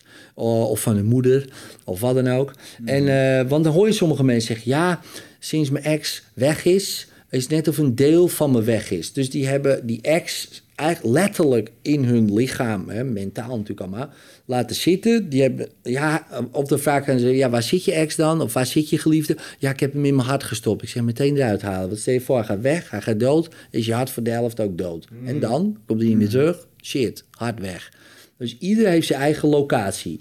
Nou, dan doe ik eigenlijk dezelfde techniek. Dan zeg ik, oké, we gaan je moeder uitdrijven. Ik vind altijd mensen een interessante uitspraak. Ehm, de moeder uitdrijven, ja, ja, ja. Die, je bent bezeten door je moeder. Ja, zo voelt het, ja. Nou, dan drijven die op dezelfde manier uit. Eh, als een de duivel, bij wijze van spreken. Ja. Dus ik gebruik precies dezelfde techniek. Ik vind het echt fascinerend, omdat ehm, ik heb recentelijk een, eh, een heel uitgebreid artikel gelezen over sex magic. En wat ze daar doen. En dat eh, zit ook in de esoterische hoek. En dan heb je twee clubs. En de ene club die zegt, ja, dat is eigenlijk gewoon eh, een soort eh, conditionering van je geest. En er is een hele club die zegt, ja, maar je roept een soort van entiteiten aan. En wat die rationele club dan vervolgens zegt, nee, nee, die entiteiten, engelen, demonen, dat moet je zien als de goede Freudiaanse complexen die mensen kunnen hebben. Dus iemand kan een complex hebben. Een complex is een set aan gedragingen die zich een soort van autonoom kan manifesteren. Dan kan op een knop worden gedrukt en ineens ben je weer terug bij je trauma en gaat dat complex afratelen. Dat is wat het is. En dat stukje, dat hoor ik jou eigenlijk zeggen, dat heeft iedereen. We noemen dat, dat een duivel of een demon. Maar dat kun je uit je systeem bannen door daar gewoon mee aan het werk te gaan. Ja. niks boven natuurlijks. Het zijn gewoon psychologische verdedigingsmechanismes die in jouw systeem zijn gaan zitten. Ja. En je kunt ze, en dat vond ik het meest interessante. Je kunt jezelf ook bewust laten bezitten door positieve complexen. Dus je kan ook zeggen, hey, in plaats van dit eh, oververdedigende systeem wat ik heb, omdat ik een overbearing mother heb gehad bijvoorbeeld, ik zou het ook omgekeerd kunnen inzetten. Ik kan nu iets, een complex creëren dat mij altijd productief laat zijn en eh, zuiver laat spreken. Ik noem Ja, maar iets. Voorbeeld, ja. Ja. Een engel of eh, Jezus of, of iets anders. Ja. Ja, en wat ik daar interessant aan vind is dat die mensen dus dit soort autonome systeempjes in zich hebben. En wat jij dus met hypnose doet, is ze dat als het ware een soort van uitlaten, nou, poepen. Bijvoorbeeld, Ja. ja. Kijk, en ik ben niet hier eh, om te zeggen wat wel of niet waar is. Hè? Dus eh, dat interesseert me ook niet. Want, Die mensen is eh, het echt op dat moment. Voor die mensen is het echt de duivel. En ik ga daar een hele volle bak in mee. Dus ik zeg, oké, prima. Dan gaan we de duivel. En eh, ja, als het Satan is, is het Want Satan. is dat ook gewoon dat op het moment dat jij zou zeggen, nou, dat is niet zo. Het is gewoon. Ja, dat, dat- dat, dat zie ik nu met heel veel coaches. Hè, dat heel veel coaches hebben dan een boek gelezen. Zeggen ze, joh, dat met die ex. is gewoon je vroeger, is je innerlijke kind. is gewoon een trauma vroeger. Is nu niet meer aanwezig. Maar voor iemand die daar middenin zit, die gelooft dat gewoon. Ja, maar dat is een beetje gelul in de ruimte, vind ik. Ja, nou, maar, dus eh, ik denk, oké, wat die persoon zegt is waar. Ja. Dus, eh, Voor hem op dat Voor hem, moment. op dat voor moment hem, ja, Ja, hem ja, is ja. waar. Oh, ik ga daar helemaal in mee. Ik, ik moet altijd denken aan het verhaal van eh Bentler en Grinder. Hè, dus de, de bedenkers van NLP. Daar ben ik zeer door geïnspireerd. En dan hadden ze een verhaal van een gast. En die kwam dan, was- zaten ze in een inrichting te werken. Eh, dat kon toen in de jaren tachtig. Ik dacht dat het een lulverhaaltje was. Maar het bleek toch wel dat hij echt daar ook heeft gezeten, Bentler als therapeut dan. hè, dus misschien ook wel anders. Ehm het kwam een man binnen, die ging tegenover zitten. Hè, dus die op zo'n tafel, die ging tegenover zitten... en die doet in één keer zo, hap. Dus die brengt zijn hand naar zijn mond en doet net of hij iets drinkt. En die Bentley zegt, wat doe jij? Hij zegt, hij kijkt er zo aan, ik drink bloed. Oké. Cool. Lekker bij de hand. En die vindt zo, bij de hand, ja. En wij krijgen niks. Lekker beleefd. Dan zit je in je eentje te zuipen hier. En die vent kijkt hem aan, maar hij zegt... Ja, maar is niet echt. Dat was de eerste keer in maanden dat hij zei... dat hij niet echt... Want iedereen ging er maar op in. Het is niet zo, het is niet zo. En hij zei, jawel, jawel, jawel. En zij zeiden gewoon ja, iets heel anders. Ja. En toen zei ze tegen me, nou, weet je wat... Weet je, jij wil dit natuurlijk gewoon blijven doen. Snappen wij, vinden we prima. Als je dit nou alleen doet in het toilet... Ja, zo ga je gewoon naar het toilet, neem je er gewoon drie tegelijk achter elkaar. Zeg je te, tegen, verder tegen niemand dat je doet. Klaar. Drie maanden later, man, ontslagen uit die inrichting. En waarschijnlijk nog steeds, als hij nog leeft, in het toilet doet hij bap, bap, bap. Ja, en dan sure. gaat weer. Ja. En hoe cares, weet je wel? Ik bedoel, wat maakt het uit? En dan denk ik, ja, dat vind ik mooie manier van eh, mensen behandelen. En daar kunnen we, kan je heel veel van vinden natuurlijk. En sommige mensen vinden dat, ja, nou ja, ik weet niet wat ze vinden. Maar, dus ik ga altijd vol mee in het wereldmodel van de cliënt. Want daar moet je het ook veranderen. En ik wil ook een beetje dat rapport houden. Ik wil helemaal niet er tegen ingaan. Soms ga ik er wel een beetje tegen in, een beetje provocatief. Maar ik geloof alles. Want ja, wie ben ik om daar aan te twijfelen? Alsof ik het weet. ik weet eh, amper mijn eigen model van de wereld. Nou, eh, laat staan die van iemand anders. Ik moet heel erg denken aan wat Isha eh, destijds deed. Met die jongen waar jij over verteld hebt in de jungle. Mhm. Die een bepaalde overtuiging Ja, had over ja, zijn ja, kunnen en zo. ja, waar het de stamhoofd waar ik zat, die eh, was er ook een jongen die, eh, die had de veronderstelling dat hij toch wel eens de reïncarnatie van Jezus kon zijn. Eh, terwijl ik hem daarover uitlachte en net zoals de hele wereld dat deed, eh, die reactie die hij ook krijgt, ehm, zei dat stamhoofd gewoon van, nou is goed, ik geloof je. Maar je moet het wel even laten zien. Doe maar. En die jongen, iemand, iemand gelooft me. Hij, Ja. vond het, hij bloeide helemaal op. Ja. En hij begon in één keer normaal gedrag te vertonen. precies. Weet je? Ja, dus Ja. Dat, ja. En, eh, en daarin herken ik ook wel ehm, ook een soort terugkerend dingetje wat ik daar wel in zag, was dat hij, dat hij toch continu rare dingen zei om die reactie te krijgen. Dus als je het dan hebt over dat positieve wat daaruit zou kunnen komen, of dat negatieve waar het dan aan vasthangt, vond ik wel heel bijzonder. Een bijzonder mechanisme om dat een tijdje te observeren. Het is heel eh, interessant. Kijk, iedereen wil gehoord en gezien worden. En eh, ja, hij heeft daar een bepaalde manier voor bedacht. Ja, Ja. waardoor hij iets krijgt. Denk je dat dat met die bez- bezetingen, bezittingen, waar jij nu zeg maar tegenaan loopt, die possessions, is, zit daar ook zoiets achter? Wat voor, eh, even zonder Kijk. zeg maar, persoonlijk worden, maar wat voor type mensen zijn dat? Ik stel me daar mensen voor die religieus zijn. Of kom je ook gewoon normale mensen tegen die... Nou ja, je moet er meestal wel in geloven. Hè? Dus eh, wat anders eh, ja, zou je kunnen zeggen. En dat vind ja, dan zou het niet bijna in je wereldmodel kunnen komen. In, in denk ik. hoeverre vergelijkt dit er overigens? Want normaal als we denken aan een exorcist, dan denk ik aan een eh, priester met een bijbel. Tien mensen eromheen die staan Ja. te zingen. Ja, dat en kan iemand ook, die zich ja. naar achteren laat vallen en Ja, eh, gaat ja. schudden, Ja, bewegen. dat is ook Rare, of Christ compel heb ik ook rare, nagedacht, rare taal gaat praten. vind ik heb ik wel super bijzonder. nagedacht Vind om ik dat een keer te doen, zoiets. Dat lijkt me echt fantastisch om te doen. Maar ja, ik moet, moet je wel... Zo'n groepsexorcisme. Ja, maar en als dan mensen- gewoon ook eens zo'n ding en dan zo de hand van God. Zo. Ik ben heel kerkelijk opgevoed, Ja. dus het leek me echt fantastisch om dat een keer Ja, maar zo dat is eh, ook wel te gewoon de, eh, eh, het, ge- het geloof. Ook bij die Indianen, eh, als ik dan de zoon van de stamhoofd was een keer ziek toen hij hier in Europa was. En eh, die had dan contact gehad. Ik had, even, ik had hem even laten bellen met iemand die contact had met zijn zoon. En dan krijg je gewoon te horen, ja, hij heeft een eh, slechte geest opgepakt in het bos. Terwijl wij zouden zeggen, hij heeft een longontsteking. Ja. Weet je? En zij hebben dat. En zij eh, hebben het geloof, idee, ja. hey, de spiritueel eh, shamaan, die, die kan dat wegtoveren. Ja. Dat is zo'n andere... Moet je je voorstellen dat je zo wordt opgevoed. Dan geloof je gewoon heel anders. Heel anders, ja. ja ik, wo ik woonde, ik ben opgegroeid in uh, Wormerveer. Tegenover was de, zeg maar, de Ambonezenwijk, wonen heel veel Molukkers. Die mensen gingen s'avonds niet langs die ene sloot lopen, want daar zaten de voorvader in en die, haalde, die lokte je naar die sloot. En er waren ook wat mensen verdronken, vooral kleine kinderen, want die zagen een oma. Oma zei, kom maar, kom maar bij oma. En, ik denk, nou, lekker oma. Hè? Maar goed, mm. uh, dus die uh, gingen dan die kinderen. Dus die geloofden daar heel sterk in. Kijk, als je vraagt naar wat mijn geloof is, Hè, wat eigenlijk helemaal niet ter zake doet in een sessie. Ik geloof er wel in, in dat soort dingen. Hè, dus dan weet je dat ook. Dus ik geloof wel in, in geesten en dat soort dingen allemaal. Maar ja, mijn geloof doet helemaal niet ter zake. Ik ga het ook niet opdringen. Dus als iemand zegt, het is de duivel, ik vind het prima. En als iemand zegt, ja, ik geloof uit. Ik denk dat het een deel van mij is. En dan denk ik, ja, dat is een deel Maar van jou. En, uh, Even daar nog twee tellen ja, over nadenken. ja, ja. Je zegt, ik geloof in entiteiten. Ja. Dus je gelooft potje ook in iets als uh, bad entities, Satan, dat soort dingen. En dan ga jij, zeg maar, met die dingen de strijd gewoon aan in het hulp van je cliënten. Als Ja. ik in die dingen zou geloven, dan zou ik er echt zo ver mogelijk uit de buurt blijven. Ja, maar wat ik mijn geloof, dat wil niet zeggen dat het waar is natuurlijk. Ja. Ja, ja, ja. Ja, dus Ik, dat, is, ja. dat vind ik wel een hele grappige. Ik heb dit ooit een keertje in een ayahuasca-sessie heb ik dit ook gevraagd. Hè, dat, dan had het over... Ik heb mensen om me heen die deden een ayahuasca en zo. En die zeiden altijd, ja, ik hoop dat de groep fijn is. Want dan krijg ik straks allemaal van andere mensen in me en zo. En ik, ik heb daar nooit last van. Ik dacht altijd gewoon, ja, dit is gewoon, gewoon vaag. En op een gegeven moment had ik gewoon tijdens zo'n sessie, vroeg ik dat ook. Van, joh, laat mij dan eens zo'n demon zien. Laat eens zo'n entiteit zien. En toen werd er gewoon zo, oh, dat zit niet in jouw wereld, dus je gaat het ook niet krijgen. Het is gewoon net waarin je gelooft. Als je al helemaal zo'n sessie ingaat en inderdaad ook, ja, ik ben bezeten. Dan zit het, gewoon, het zit gewoon in je. Het is gewoon onderdeel van je.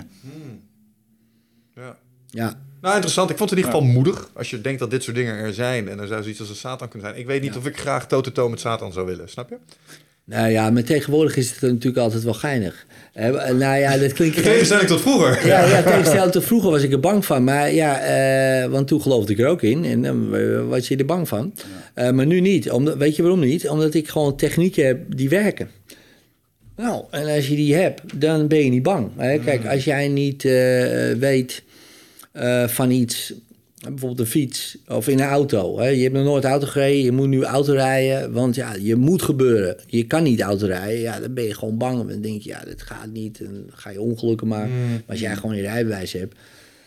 Ja, dan kan het best wel spannend zijn. Maar jij kan gewoon die auto rijden. Nou, zo denk ik nu. En ik denk ook gewoon...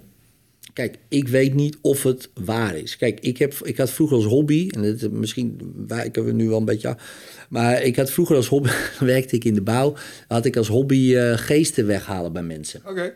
Ja, dus ik had een telefoontje en dan ging de, had ik een ringtoon. Dat was de Ghostbusters. En als die, gonna als die, als die, ja, dan- als die dan afging, dan had ik allemaal mensen in Amsterdam Oost en West. En dan kwam ik aan. En dan eh, deze deur open zo van... eh, oh, we hadden heel iemand anders verwacht. Ik zeg, ja. Ik zeg, je bedoelt een Indiaan. Ik zeg, ja, die staat achter me. Ik zeg, ja, die zie jij niet. Maar ik zeg, gaan, we, gaan wij doen. Oké. Ja, ja, ja, en dan ging ze mee. En dan ging je dat doen. En, nou, en dat werkte. En dus, soms ging je bij mensen tv's aan, wat dan ook. En eh, daarna niet meer. Dat was opa, geen idee. Dus ik, dus ik heb daar ook in gezeten in dat weertje. Maar toen werd het steeds... Toen heb ik wel wat te maken gehad met wat, eh, wat, wat nadere dingen. Toen ben ik daarmee gestopt. En toen ben ik eh, NLP ontdekt, toen hypnose. En eigenlijk de laatste tijd ja, is dat weer teruggekomen. Maar nu eigenlijk wat meer ja, in techniekvorm. Dan denk ik, oh, nou kijk, nou vind ik het wel relaxter. En nu heb ik ook een heel andere mindset. Ik denk, ja Ed, jongen, ja, wat jij gelooft... eh, dat hoeft helemaal niet per se waar te zijn. Dus eh, het maakt ook niet uit wat jij gelooft. Dus, dus eigenlijk is je hypnose-techniek en alles wat je nu weet... een soort spirituele zelfverdediging geworden... om in dat soort situaties je beter te kunnen manifesteren. Ja, ja, want anders ga je er misschien helemaal gekke dingen over denken. Dan denk je, oh, moet ik dit leren, dat, dat, zus. En zo direct eh, nemen ze me over en dan komen ze, weet, weet ik veel wat je Maar allemaal ben je cirkels met zout aan het trekken. eh, ja, precies. Ja, en dan zit je thuis en dan, eh, oh, ik heb wel die rituelen gedaan, man, thuis. Verschrikkelijk. Nee, nou. Wat ik wel interessant vond was dat jij destijds in ons voorgesprek toen zei dat je ehm, deze ervaringen had en dat je vervolgens bezig ging met hypnose. En dat je op een gegeven moment jezelf ook af ging vragen of het niet allemaal cold reading was. Ja, dat, dat is bij wijze van spreken is het allemaal niet eens suggestieve ja, ja, ik heb, een- post- ja, ja, ja, podcast. zeker. Ja, ik ben een tijdje in een twijfelperiode geweest. Eh, want dan ga je eh, hypnose en dan kom je op mentalisme. Hè, dus Darren Brown, hè, zei je in het begin. Mhm. En ik weet Darren Brown, dat is allemaal truc. Hè? Dus ik weet mensen die voor hem gewerkt hebben. En eh, ja, het is gewoon, als je weet hoe het echt werkt, dan is er eigenlijk geen reden meer aan. Dan hoef, je niet eens meer te kijken, want dan weet je, oh zo, ja. Dus toen dacht ik, en ook omdat eh, een goede, goede vriend van mij, eh, die kan dat zo goed. Die gaat op een beurs zitten, paranormale beurs. Die is, die is tien keer beter dan bijna ieder medium die daar zit. Dus die kan het hebben over je overleden broer, je zus, weet ik het allemaal. Dat je denkt, hoe weet hij dat? Maar die is daar zo goed in. En ik zeg, hoe doe je dat? Ja, het is allemaal techniek, weet je. Het is allemaal, ik geloof niks. Ik denk, hoe kan het nou, man? Dus nou, en dan ging ik twijfelen. Maar het, het ergste was eigenlijk nog, in die periode... dat ik ging twijfelen aan mezelf. Ik denk, ja, maar wat heb jij dan allemaal gedaan in die huizen met die mensen? En wat heb jij dan allemaal, eh, ben je daarheen gegaan? Ik had heel veel van dat soort ervaringen gehad. Dus begon ik allemaal aan me twi- twijfelen. Alles begon ik te twijfelen. En ergens heb ik toen besloten, oké, het is gewoon allebei waar. Nou, dat helpt mij dan. Dus de ene kant is waar. Ja, er is mentalisme. Ja, er is cold reading. Ja, er zijn mensen die kunnen dat. En ja, voor mij hè, dan. Ja, er zijn mensen, mediums, dit, die echt wel dingen kunnen vertellen aan je. Dat je denkt, oké gast, ja, dit kan je ook niet op Facebook gevonden hebben, niet gegoogeld. Dit is wel heel, heel apart. Hè, zoiets. Hè. Nou, en als dat je helpt, prima, weet je. Ook al zou je het gegoogeld en op Facebook en het helpt je, is het ook prima. Ja, dat wil je achteraf dan niet weten, liever. Maar, hè, dus... ehm, dus ja, dat heb ik toen voor mezelf besloten. Ja, en iedereen moet natuurlijk zelf voor, zijn- voor zijn eigen bepalen wat, wat hij of zij wil geloven Ja. natuurlijk.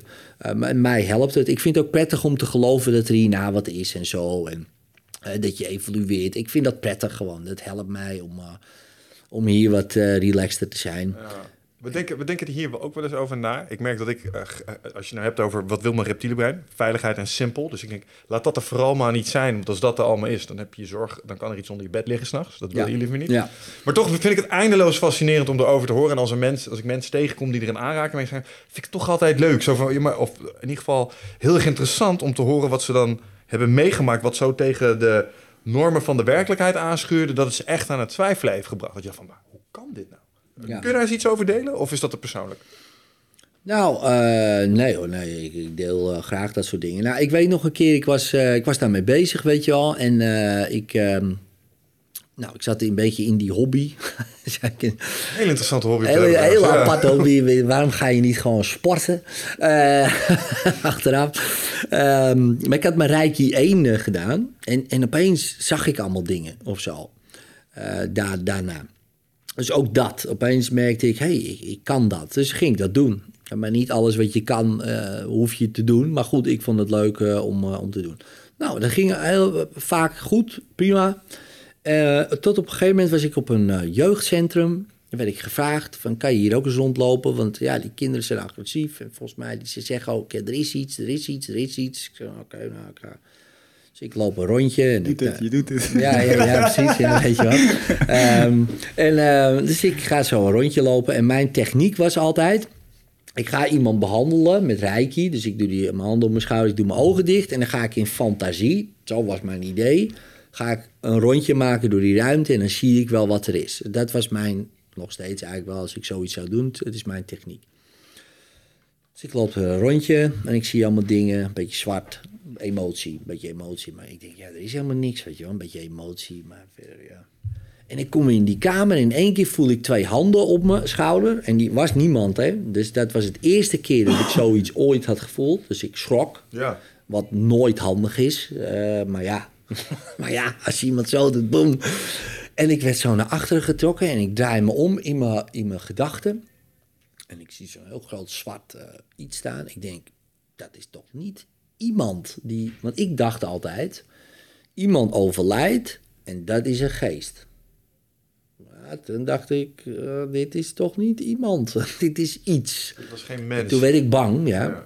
ja. Maar toen dacht ik wel, oké, okay, bang is niet handig, hou van die gast. Dus ik probeerde dat te doen, wat best lastig was. Nou, toen kreeg ik daar hulp bij. Dus ik riep hulp in van allemaal, nou ja, dus, uh, hoge lichtmeesters. Ik denk, jetsen die gasten weg. Nou, dat lukte. En toen werd ik al wel wat banger. Toen, uh, dat was mijn eerste ervaring dat ik dacht, misschien moet ik dit niet meer gaan doen. Toen kwam ik bij een NLP-training. En toen kwam er een vrouw naar me toe en zegt, ja, jij doet iets met geesten, hè? Ik zei, ja, ja. Ja, want ik heb ook heel last van iemand. Uh, en uh, ja, als ik dan aan het aanrecht sta, dan uh, betast hij me en zo. Oké, okay, ja. Het was een beetje een geestelijke me-too eigenlijk. Ja, was het een beetje. Dag aan het koken.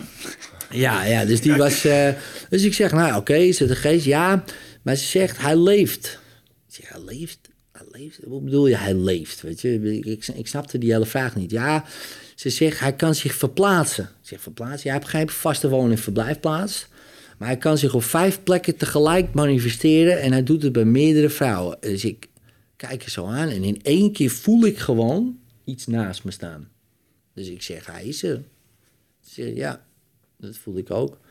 Ik zeg, daar ga, ga ik niks meer doen. Ik ik snap het niet, ik snap hier niks van. Ik, ben een, ik was meteen klaar ook met dat hele idee. Hmm. Toen ging ik naar huis toe. Ik kwam thuis. Ik had nog kleine kinderen. En um, toen hoorde ik een stem. Te laat. Je had je er nooit mee moeten bemoeien. Ik zeg, gastman. Ik zeg, het maakt mij niet uit, jongen. Ga lekker die vrouw aanranden. Wat kan mij het schelen, weet je. Laat me het... Nee, nee, nee. Ik ga met je mee naar huis. Boom. Ik kwam thuis. Ik had, toen had ik drie kinderen. Nee, vier kinderen. Alle vier huilen. Iedere nacht. Allemaal nachtmerries. Mijn zoon begon spoken te zien. Die zag allemaal dingen zweven. Die werden helemaal gek. Nou, wij... Ik samen met mijn schoonvader en mijn zwager licht blazen in die kamers.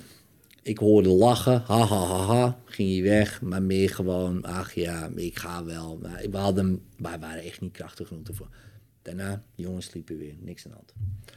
Toen dacht ik, oké, okay, ik ga naar... Nu ik het erover heb, ben ik nog steeds dat ik denk, ik hoop toch niet dat hij... Dat jullie zullen luisteren en dat hij nu niet aanschuift, zeg maar. Ja, echt, ja, dat is dan elf jaar geleden of zo. Als die kastdeuren nu openslaan, dan uh, hebben we nu bewijs ja, op camera. Ja, ja, dan hebben we bewijs, ja. Jammer. Nou, ja, precies. Nou, gelukkig niet. Maar ja, toen dacht ik wel van, oké, okay, dit is een wereld, daar snap je geen reet van. En dan moet je ook helemaal niet, nee. dat moet je ook niet willen. Maar als je nou, nou oké, okay, je wilt misschien, nou, ik zou het wel willen snappen. Want, oh, wat is dit? Zie je, we. Zijn laptop zeggen. Ja, deze laptop is helemaal uit. Ja. ja, dat zie je. Dat, gaat, dat bedoel ik. Ja. Je hebt meteen bewijs. Nee. Ik had een tweede venster open en ik heb uh, gealtapt. dus science prevailed yet again. Oeh, gelukkig, ja, gelukkig. gelukkig. Nee hoor. Um, nee, maar goed. Niks kijk, nee, is gewoon helemaal goed. Er is niks aan de hand. Nee, nee, nee. Maar Misschien dat geesten, geesten we allemaal uit. Nee, maar goed. Uh, kijk, nu zijn we elf jaar later zo'n beetje. Twaalf jaar, moet ik zeggen. Twaalf jaar later. En, uh, en nu zit, zit ik daar anders in. Gelukkig, weet je. Toen uh, was ik echt wel een beetje... Uh, nou ja, als je het hebt over verwondering... Dat was gewoon, ik vond het gewoon beangstigend. Ik denk, ik snap hier niks van. Mhm. Ben ik daar meer over gaan... Uh, lezen. Gewoon echt die, een beetje die esoterische hoek gaan lezen. En, eh, maar ook met de technieken erbij. Dat ik denk, ja, weet je, zo. En toen dacht ik, oh, oké, nou, nou is prima. En, en toen je daarover begon te lezen, en, en wat, ik zou, wat ik echt fascinerend zou vinden is, en ik zie een parallel met de, het, eh, eh, de ayahuasca-scene, zeg maar. Mensen die ayahuasca doen, pretenderen ook, zeggen ook in aanraking te komen met entiteiten. Ik heb Ja. zelf ook ayahuasca gedaan. Ik kan Ja. dat helemaal plaatsen. Wat ik fascinerend vind aan de ayahuasca-ervaring is dat over alle ervaringen die mensen hebben heen wel bepaalde patronen, zeg maar. Je zou bijna een bestiary kunnen maken van... hé, je komt, eh, zeg maar, de, de, eh, de machine elves is een ding... en je hebt de, de, de slangen die op je afkomen, dat is een ding. Operatietafel met de aliens. bijvoorbeeld Ja, ja, ja. de, ja. de robotachtige. Nee, maar serieus, ik heb daar wel eens over gelezen. Dus er zijn allerlei Ja. soorten. ja. En toen jij hierover las en je, en je hebt het over zoiets... eh, bijvoorbeeld iets wat die, dat grote ding wat je achter je zag staan. Ja, ja. En het is geen overleden ziel. Wat is, wat is het dan volgens de, de literatuur? Nou ja, kijk, je, je hebt verschillende culturen hè, die daar wat over zeggen natuurlijk. Mhm. Ehm, kijk, de christelijke cultuur die zou zeggen dat is de duivel. Hè, dat is lekker simpel. Een hè, dat is, eh, of een demon, of gewoon de Satan zelf, whatever. Ehm, de, de Surinaamse cultuur... eh, of, of de Arabische cultuur, die hebben het meer over djinns. Hè? Dus dit zijn dan geesten, goede geesten en slechte geesten. En, en in die hoek zou ik het dan scharen hè, voor mezelf hè, dan. Ehm, maar kijk, als je dit gewoon natuurlijk... eh, eh, nogmaals, mijn geloof is niet per se de waarheid. Kijk, wie weet heb ik daar vroeger heel veel over gelezen... en dan eh, krijg ik dat soort ideeën. Dat kan ook. Ja, dus je weet niet wat er natuurlijk... of ik weet natuurlijk niet precies wat er allemaal in is geprogrammeerd... wat er later uitkomt... Eh, weet ik allemaal niet, want ik ben me niet bewust geweest van 0 tot 7. Wat ik heb gezien, gehoord, gelezen, geproefd, eh, dat, dat weet ik natuurlijk niet. Dat is één ding. En het tweede is, ja, misschien is er wel gewoon veel meer, weet je wel. Dus ik, kijk, ik geloof dat wel. Dus, ik, eh, dus omdat ik het geloof, zie ik het ook misschien wel eerder. Ja, dat, dat kan ook nog. Ik denk ook wel dat het. ehm, ik denk dat je leven en je denken veel te beperkt is om het allemaal te begrijpen. En je wordt opgevoed in een bepaalde omgeving. Dat is waar het christendom gelooft in de duivel. En dat is waarom wij hier niet geloven in voodoo-poppetjes. Maar dat er in bepaalde landen eh, dat ze daar doodsbang van zijn. Of in Suriname waar je medicijnmannen met, eh, met flesjes, met geesten en allemaal van dat soort dingen. Eh, dat is gewoon, eh, is toch je omgeving waarmee je zit en wat je gelooft en de verhalen die je hoort. Ja, en, eh, het is één grote Ja, cultuur. dan als je, eh, sluit aan bij overtuiging, snap je? Dus als je echt gelooft dat het zo is, dan zou je zoiets ook eh, wel kunnen zien.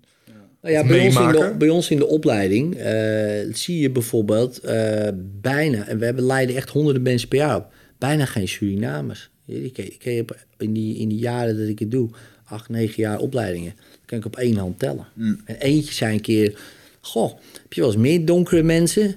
En toen dacht ik opeens, nee, ja, ik, ik kijk niet zo, weet je wel, maar ik denk, nee, het is eigenlijk alleen maar blank wat Ja. ik zie. Ik denk, dat is toch eigenlijk gek, weet je wel, in, eh, in Nederland, vlakbij Amsterdam, ja. Hij zegt, ja, weet je hoe dat komt? Daar had ik nooit over nagedacht. Maar in hun cultuur ze zijn super bang voor hypnose. Die Molukkers ook bijvoorbeeld. Ik heb het ja. met een Molukker over gehad. Hypnose zegt, nee, nee, nooit, nooit bij mij doen. Nooit. Je zet iets open, jongen. En dementie komen allemaal geesten naar binnen. Ja, als jij dat gelooft, ja, dan kan je je voorstellen... dat jij dan niet... Als je dit dan ervaart, hè, nog weer even terug naar die hand... denk je, Ja. oh nee, kom weg met je, jongen. Zo direct komt eh, een geest binnen. Ja, en wij geloven dat niet, niet zo... Dus ja, hebben we dat ook niet. Ja. Dus dan kan je ook weer afvragen, ja, is het zo? Ja, nou ja, ik vind, ik vind het, het, dit heel filosofisch en fascinerend onderwerp. Ik ook. Dat, eh, Eh, en wat ik er met name interessant aan vind, is dat... ehm, eh, ik heb het hier wel eens gedeeld in de podcast. Ik heb één keer een ervaring gehad dat ik bezeten werd door iets. Hmm. en, en ik heb daar later over gelezen en toen kwam ik erachter dat dat slaapverlamming heet. oh ja. Ja, en dat is, Ja, dat is echt ja. voorspelbaar dat je tussen waken en slapen in zit. En dat wordt, ehm, gaat heel vaak gepaard met een soort hele diepe angst. En het gevoel dat er iets kwaadaardigs naast je verschijnt. En sommige mensen zien zelfs dingen naast zich staan of op hun borst zitten en dat soort dingen. En even ongeacht of dat nou je geest is die het oproept, of het echt iets is wat even hallo Mhm. Ja, komt zeggen. ja. Wat ik interessanter vind is dat we dus blijkbaar dat soort beelden, er- er iets in onze gedeelde Ja. psyche zorgt dat dat naar voren komt als we evil of wat het ook maar is, iets, iets wat ons bedreigt spiritueel. Dan komen er altijd dat soort beelden bij. Ja. En dat is een soort, ja, misschien is dat cultureel, dat weet ik niet. Maar zo'n eh, sleep paralysis ding, dat wordt over de hele wereld wordt dat waargenomen bij mensen. Ja. En dat is dan weer redelijk universeel wat ze meemaken. Ja. Hmm, en wat zit daar dan achter? Ja, ja, ja precies. Ja. Kijk, ik eh, ben er nou wat, eh, wat over aan het eh, lezen, ook vanwege ja, wat artikelen die ik aan het schrijven ben. Eh, ook over die omgevingshypnose, cultuurhypnose. En dan, eh, ja, dan kom je studies tegen, alleen al taal bijvoorbeeld. Dus in het eh, Spaans en het Duits, bijvoorbeeld Duits is een brug vrouwelijk. En als je aan een Duitser vraagt, goh, hoe ziet die brug eruit? Dan zal hij waarschijnlijk zeggen, ja, elegant, mooi, dat soort dingen. Als je aan een Spanjaard vraagt, zeg je, ja, lang, sterk, dat soort dingen. Dus dat geeft al andere associaties, één woord. En dat vind ik dan fascinerend. En Als je dan kijkt naar bijvoorbeeld andere talen... waar bijvoorbeeld geen kleuren zijn of geen nummers, geen specifieke nummers. En laat ze een foto zien van pingwings. En wij hebben geleerd van 1, 2, 3, 4... waar bijvoorbeeld 8. Oh, dan is het 8. 8 pingwings. En die andere zegt, eh, veel pingwings. Eh, want we hebben geen Ja. nummers. wel. Ja, weten we niet. Ja, maar doe er dan deze veel er vanaf. Veel min veel is eh, ja, weinig of zo. Ja. Dat is natuurlijk heel fascinerend. Maar dat zit daar niet in je systeem. En ook kleuren. In Japan hebben ze pas de laatste jaren een kleur voor groen. Daarvoor was gewoon blauw. eh, Weet je? Dat is ook groen. Heel veel culturen hebben één woord voor groen en blauw. Ja. En, en Rusland heeft dan weer meerdere woorden voor blauw. Hè, dus het licht donker. En die kunnen veel sneller kleuren herkennen. Een Rus. En zo, ja, dat is dat. Maar die hebben gewoon daar een ander woord voor. Dus die zien de wereld dan ook weer anders. Ja, dat, dat is dan alleen nog maar taal. Daar kan je nagaan eh, gewoontes en gebruiken en normen en waarden. En oh, mijn hemel. Dit, Ja. dit, dit is, dit is gigantisch. En, en dan komen we even terug op dat stuk. Ja, wat heb je meegekregen? Ik ben kerkelijk opgevoed, weet je wel. Nou, wat zeggen ze allemaal in die kerk? Dat zijn allemaal ook associaties die ik maak. Wat heb ik gezien op tv? Een alien ziet er altijd hetzelfde uit. Als je vraagt aan mensen, ja, ik ben ontvoerd door aliens. Ze zien die allemaal hetzelfde uit. Er is nooit eentje dat je denkt, goh, goh, wat geinig. Het ziet er heel anders uit. Het is altijd grote, grote ogen en wat dan ook. Iemand is ontvoerd door de Predator. Nee. Opgegeven? ja, maar dat is toch fascinerend. En dat is in Noorwegen en dan zeggen ze, en dan zeggen ze daaruit, zie je wel, eh, in heel veel verschillende landen zeggen ze allemaal hetzelfde, dus het bestaat. Dat is dan de conclusie. Nou, even los van het feit of het wel of niet zo is. Het kan ook andersom werken. Besmetting. Dat iedereen dat de hele tijd zo onbewust heeft gezien. Eh Roswell-fotootjes, dit, 47, stort daar neer, boom. Oh ja, zo ziet een ufo eruit. En opeens, eh, ja, en opeens is het zo. Is dat het nieuwe plaatje en iedereen ziet dat plaatje omdat het soort cultureel kunnen. ingeeft? het zou kunnen, weet je wel. Ja, kijk, ik ben nu zo... je moet, ja, maar dat is wel, eh, ja. je moet, om, om te beschrijven dat je door een buitenaards wezen bent ontvoerd, moet je weten wat een buitenaards wezen is.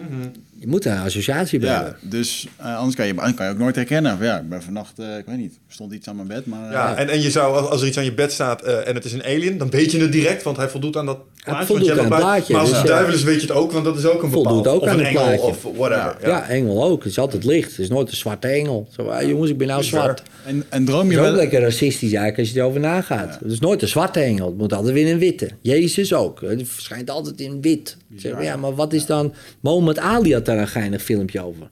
En die zegt van ja, eh, blackmail, is altijd negatief. Heel veel zwarte woorden zijn negatief geladen en heel veel witte positief. Dus zei ik een keer tegen zijn moeder, ja mama, waarom zijn er engelen niet zwart? Ja, nee, die zegt gewoon wit. Waarom zijn ze altijd wit, mama? Ben ik toch niet... eh, Ik dit? denk dat ik daar een hele simpele uitleg voor heb. Dag en nacht. Als de zon schijnt, is het licht, is het, het zichtbaar. Ja. In het donker Ja. is, het, is het zwart. En dan, dat is wanneer de Ja. roofdieren naar buiten komen. Dat is doodeng. Ik denk dat het gewoon daar iets mee te Ja, maar is een roofdier dan opeens eh, eh, part of the devil of zo? Of, eh, of, of part of the... Als het je god binnenkomt lopen en je opeten, zeker. Ja, maar voor die roofdier zelf niet. Nee, nee, nee. Voor Nee, maar snap je? Dus dit, voor die is de, de dag weer... eh denk je, oh nee, de zon kan ik niet tegen, weet je wel. Zo denk ik, word ik aangevallen. Is dus het is allemaal weer perceptie. En, en dan die duivels, ja, waarom is het niet gewoon een leuke gast... waarmee we een biertje kunnen drinken in de kroeg? Nee, het moet altijd weer eng zijn. Het moet altijd weer, oh, moet die... Misschien is het wel een geinige gast. In alle moderne films wordt hij vaak afgeschilderd aan als een hele charmante, eh, Ja, zeg ook maar nog. eloquente meneer. Ja, ook nog weer. Ook nog weer, ja. Krijgen we dat weer? Wordt dat weer stereotyp neergezet? Nee, maar dat is wel... ja, ik vind het gewoon eh, sowieso ehm, de werkelijkheid. Hè, als je dat helemaal gaat eh, eh, onderzoeken... Ja, dan blijft natuurlijk weinig van je eigen werkelijkheid over. Maar dan heb je eerst natuurlijk eh, tot eh, 1900 hadden ze Newtoniaanse werkelijkheid. Dus alles was fysiek eh, verklaarbaar. De universum was een machine en als je maar uit elkaar haalt is het zo. Dan kan je de onderdelen, als je dat snapt, dan snap je de machine. Mens, machine, onderdelen vervangen, klaar. Nou, toen kwam Einstein en zei, nou, alles is energie, relativiteitstheorie. Nou, nou snappen we er bijna geen zak meer van. Dus, nou, snap het nog steeds niet, na 100 jaar. En in biologie was precies hetzelfde. Ging, ging ze, nou, als we de genen hebben, als we de genenproject, hè, dat was een gigantisch project van de jaren 80 tot 2001 kwamen, kwamen de resultaten van het genenproject. Hadden ze bedacht, nou, voor iedere uh, proteïne moet een gen zijn, dus 100.000 proteïnes, 100.000 genen. Want ze hadden een fruitvliegje, 18.000 genen. Nou, voor mensen zeker 120, 130.000 genen. Kan niet anders. Complex, jongen. Triljoenen cellen. Dit. 2001 zeggen we hebben alle genen gevonden. Iedereen blij. Wauw, we hebben de mens begrepen. 25.000. Oké. Maar jouw model was toch 120.000 genen? Dat hebben ze nooit echt verteld waarom. Ze dat niet. Uh, en nu denken ze, uh, hoe, hoe kan het nou? Want ze hadden ook een, een wormpje van 1240 cellen. Een heel klein wormpje, kan je niet met het blote oog zien. Hadden ze ook een genenproject mee gedaan. Die had 24.000 genen met 1240 cellen. Wij hebben triljoenen cellen. En we hebben duizend genen meer. En toen zeiden ze, uh, ja, dat is wel apart. Dus misschien uh, zijn de genen toch niet bepalend voor... is het toch niet een machine. Maar nog steeds, en dat is de farmacie ook... de farmacie, die draait daar natuurlijk wel op... want als jij een machine bent en jij hebt kapot... dan heb ik een pilletje voor je of een operatietje voor je... dan maken we de machine weer goed. Mm -hmm. Nou, deels klopt dat... Maar ze doen één ding, laten ze een beetje weg. Maar dat komt nu steeds meer natuurlijk. Is die mind. Want die mind, de geest, het bewustzijn. Ja, dat is dan weer zo'n gekke losse vlodder. Ja. Toen zeiden ze, ja, maar dat is een fenomeen van het fysiek. Als ik mijn lichaam, daardoor denk ik. Dat is een gevolg. Maar ja, nou weten we, het ligt wel iets anders. Dat vind ik, ja, als je het nou hebt over dingen van, oh, dat is waar we het straks over hadden. Het feit dat wat je denkt bepaalt hoe je lichaam zich gedraagt. Precies, ja. En maar, maar dan klopt dat, dat hele genenverhaal, is, wordt, dan, wordt dan natuurlijk een beetje op losse schroeven gezet van die machine. Want nu hebben ze natuurlijk ook ontdekt, al, al jaren natuurlijk, maar dat die cellen die reageren op signalen van buitenaf, maar ook bijvoorbeeld op wat je eet. Hè. Dus als jij een blaadje sla eet, reageren je cellen anders dan uh, zwarma bijvoorbeeld. Nou, dan is dat geen hogere wiskunde, maar moet je je voorstellen, dus die machine die reageert op signalen, maar wat dat dus voor, dus ook van je omgeving, maar ook van je gedachten. Ja. ja. dus die ook dat. Ja, en dan wordt het een heel interessant fenomeen van, oké, zijn we dus genetisch uh, bepaald en zijn we inderdaad zo geprogrammeerd. En ik geloof ook dat we geprogrammeerd zijn en we ratelen programma's af, maar dat we wel kunnen veranderen. We hebben een pakket genen meegekregen. Boom, dat staat ook vast. Maar heel veel uh, deterministen, zou ik kunnen zeggen, die zeggen: ja, ja dus is het, we zijn een machine. Dus dat is de conclusie dat we machines zijn. Maar dat is niet zo. Dat is niet zo. Het mooie is, vanuit studies. Uh, voornamelijk ook de, misschien ken je die studie wel, 1944. Uh, dus de, hongers, uh, de hongerwinter in Nederland. Er is heel veel studie naar gedaan. Van, er waren vrouwen zwanger. En uh, die kinderen die geboren werden, uh, die waren, kregen obesitas. Hè, want die waren alleen maar met eten bezig. Ja, logisch, want ja, we moeten eten hebben. Maar ja. die generatie daarna ook. En die daarna ook. Dan denk je, hé, hoe kan het worden doorgegeven? Maar die generatie daarna niet. Dus ergens gaat het, uh, blijft het even een tijdje. Mm. En dan hebben ze dat getest op muizen. Dat is natuurlijk altijd wel ja. heftig. Hè? Dan gaan laten ze uithongeren. En dan de drie generaties muisjes is het nog steeds te dik. En daarna denken ze, oh, eten genoeg, prima of zo. Ja. Dus wat gebeurt er dan?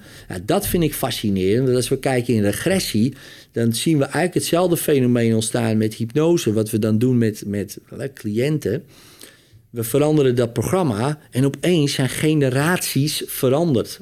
letterlijk, want die dochter doet anders. Die de, en sommige, zie je patronen. Ik heb me altijd verwonderd dat sommige families is er alle, alleen maar geweld. Hè? De moeder geweld of tienerzwangerschappen. De oma was op 16 uh, zwanger, moeder op 16 zwanger. Ik hoop niet dat mijn dochter op 16. Nou, we kunnen onze klok op gelijk zetten. 16 en jou, ja hoor. En dan kijk ik in mijn familie. Nooit iemand geslagen, mm. niet misbruikt of uh, mm, bij ja. andere patronen natuurlijk. Maar hoe kan dat dan worden doorgegeven? Dat vind ik interessant. Maar ja, nog interessanter. Stel je voor, we veranderen het bij één en wordt het dan nog doorgegeven. Nou, mijn ervaring is nee. Hmm. Interessant, want wat je, wat je omschrijft is, heet volgens mij eh, epigenetica. Ja. Dat is als Ja, je een, eh, stre- een stressprikkel krijgt, zoals bijvoorbeeld cortisol door gebrek aan eten, dan verandert er echt aan de switches om in je DNA. Ja. En die geef je door in je genenpakket naar de volgende generatie. Ehm, en die kan ik volgen. Hè? Als je bijvoorbeeld eh, iets wat je lichaam nodig heeft ontneemt, dan kan dat een, Ja. een fysieke reactie Ja. hebben.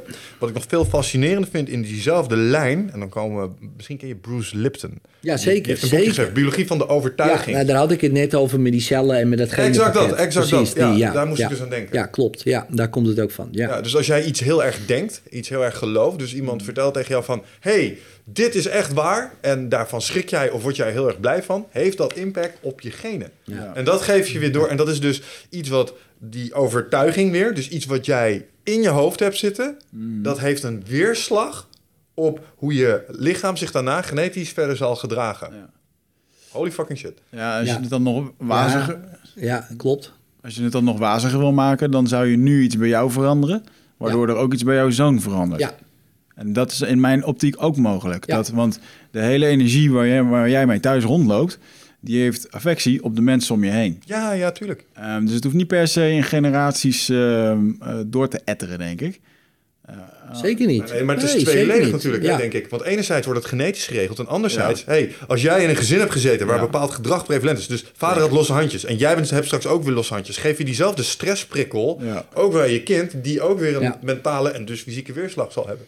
Nou ja, gelukkig hè, kan, je, ook zien, en dat is, eh, heb ik ook eh, onderzoek over gelezen, dat bijvoorbeeld in geweld, dat maar, en nog veel hoor, 30% van de kinderen ook geweld gaat gebruiken tegen hun kinderen. Dus bij eh, meer dan 6, bijna 70% gaat het prima. Eh, dus die hebben dat zelf al veranderd. Die denken, ik ga mijn kinderen echt niet slaan. Ja, eh, maar is, is dat dan omwille daarvan? Of omdat we inmiddels ook generaties verder zijn in andere macro-economische situaties zitten? Denk ik dan ook wel eens. Misschien, misschien, dat kan. Hè, maar het feit is wel dat ze dat dus niet doen. En hoe dat dan komt, dat is een interessante. Eh, het zou ook kunnen zijn dat ze gewoon denken: van, ja, dit ga ik echt niet doorgeven. En misschien eh, doen ze, dat, dat zegt het onderzoek niet. eh, misschien schelden ze wel uit, misschien doen ze wel andere dingen die misschien niet anders zijn. Dat staat er niet. Maar 30 doet het nog wel. Ja, dus dat blijft wel doorgaan. Ja, en, eh, en sommige trauma's worden inderdaad doorgegeven. Maar op, even aanhakend op jou, wat je zegt, hè, wat, dat, dat dat meteen bij je zoon verandert. Ik een techniek bij mezelf toegepast, sociaal panorama. Is een soort familieopstelling, eh, maar dan eh, gewoon eh, in je hoofd, zeg, zou je kunnen zeggen. Hè, dus zeg van, nou oké, zei ze, nou, het, je hebt vier kinderen, oké. waar stel je voor je jongste zoon, hè, waar zou je die neerzetten als hij hier zou staan? Ik zeg, ja, dan zit hij hier helemaal dicht tegen me aan. En daar schrok ik van. Ik denk, waarom zit hij nou zo dichtbij, weet je wel? Maar, maar echt letterlijk, als ik hem zag, oh, hij moest altijd kunnen oh, de jongste zoon. Nou, en die oudste, ergens daar. En dat was altijd, eh hoi, hoi, doeg. En ik schrok ik van. Ik denk, shit, maar dat wil ik helemaal niet, weet je wel. Eh, maar dat was zo gegaan, zou je kunnen zeggen. Toen verschoof ik dat, zo. Goed. Ik was op een training. Klik zo, nou, ik had ze mooi op een gezet. Ik denk, ja, voelt goed. Ik rijd naar huis. Eh, ik bel mijn vrouw, doe ik altijd dan. Na een training bel ik mijn vrouw. Ik zeg, hey, hoe is het? ja, Darsjan, zo heet mijn oudste zoon. Wil je spreken. Ik denk, hij wil me nooit spreken aan de telefoon. Nooit. Maar ik denk, dit is wat of zo. Heb ik drie kwartier met hem aan de telefoon gezeten. Had ik nog nooit gedaan. Zijn hele leven niet. En toen was hij, ik, weet- hoe oud was hij? Twaalf of zo. Dus drie, drie jaar geleden, drie, vier jaar geleden, denk ik. Ik dacht, fuck. Dus ik heb iets gedaan en hij reageert daarop. Ik denk, fuck, wat een fascinerend iets, man. Hoeveel controle je dus blijkbaar hebt, ook op je omgeving dan, be- begon ik te bedenken. Ik denk, shit man, dat is toch krachtig. Ja, en, en nu hebben we eigenlijk een hele goede relatie. Maar ik had dat nooit zelf kunnen bedenken, totdat iemand mij dat idee gaf. En daar geloof ik ook heel sterk in. Geef mensen een idee, en zij eh, gaan er wel mee aan de haal, weet je wel. Eh, maar, maar als je geen idee hebt, heb je letterlijk geen idee wat je moet doen. En als iemand zegt, ja, je kan gewoon die mensen verschuiven hoor. Je denkt, huh, kan dat? Nou, ga ik even proberen. En je hebt effect. Je denkt, hé, hey, wauw, dan heb je weer een idee. Je raakt een beetje het familieopstelling systeem nu. Ik heb zelf ook een paar familieopstellingen stellingen gedaan. Waarbij je dan zelf een probleem inbrengt of waarbij je mee mag doen. Ja, Bij beide. Bent een probleem. En- Ja. En bij beide, eh, ja, op een gegeven moment ging dit gewoon wel eens, ging dit echt, ik vond het ook echt leuk om te doen, om het te ervaren, om mensen te zien. En het blijft zo ontastbaar, vaag en, en soms ook magisch. En ik bedoel, ik heb echt ehm, eh, mijn familie een keertje op moeten stellen... waarbij eh, eh, iemand moest mijn moeder spelen. En die, en die zei iets... Ja, dat, dat is zo uniek wat mijn moeder zou zeggen over die bepaalde situatie. Dus Ja. ik dacht, hoe kan dit, man? Ja, het is Eh, zo fucking vaag. En ook over, eh, over mijn broer, over mijn vader en eh, over dat soort dingen. En die mensen weten niks, hè? Dus je vertelt alleen Klopt, zijn allemaal waar, waar ik heen ga, of heen ging. eh is een bunnik bij een, eh, bij een dame, die deed het heel erg goed. Daar vertelde hij aan haar het probleem. Niemand wist wat. En dat is gewoon fucking bizar. Dat als iemand dan in één keer zegt van ja, en dan ging er helemaal in een hoek staan, helemaal weg van iedereen. En dan bleek hij ook bijvoorbeeld overleden te zijn of zo, weet je wel. Een soort van eh, te, vage, te vage shit. Ik wil niet alles hier uit buitenboord hangen wat daar dan is gebeurd, maar ehm, eh, ja, dat ik echt gewoon stand, stand naar buiten ging. En ook zelf, eh, dat ik zelf een keertje bij iemand in, een, in een opstelling stond, werd ik opgesteld.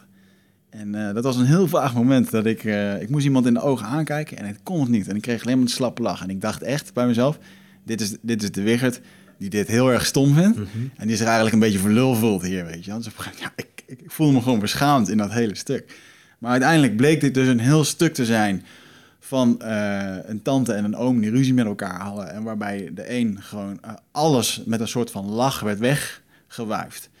Dus terwijl ik mezelf zat te beschamen dat dit mij gebeurde, zat die vrouw op de tribune te janken van ja, dit herken ik zo erg. Dit is typisch mijn oom, weet je wel. Ja, ja, Ah, ja. fucking waar, Fascinerend, hè? Ja. Echt, ehm, Ja. ja. En ook wel ehm, eh, rustgevend in, in, een, in een weg. Ik- Nee, die vertwijfelt. Nee, ik, moet, ik zit even te denken. Ik heb dit bijvoorbeeld gedaan in eh eh, schizofrenie heerst bij ons in de familie.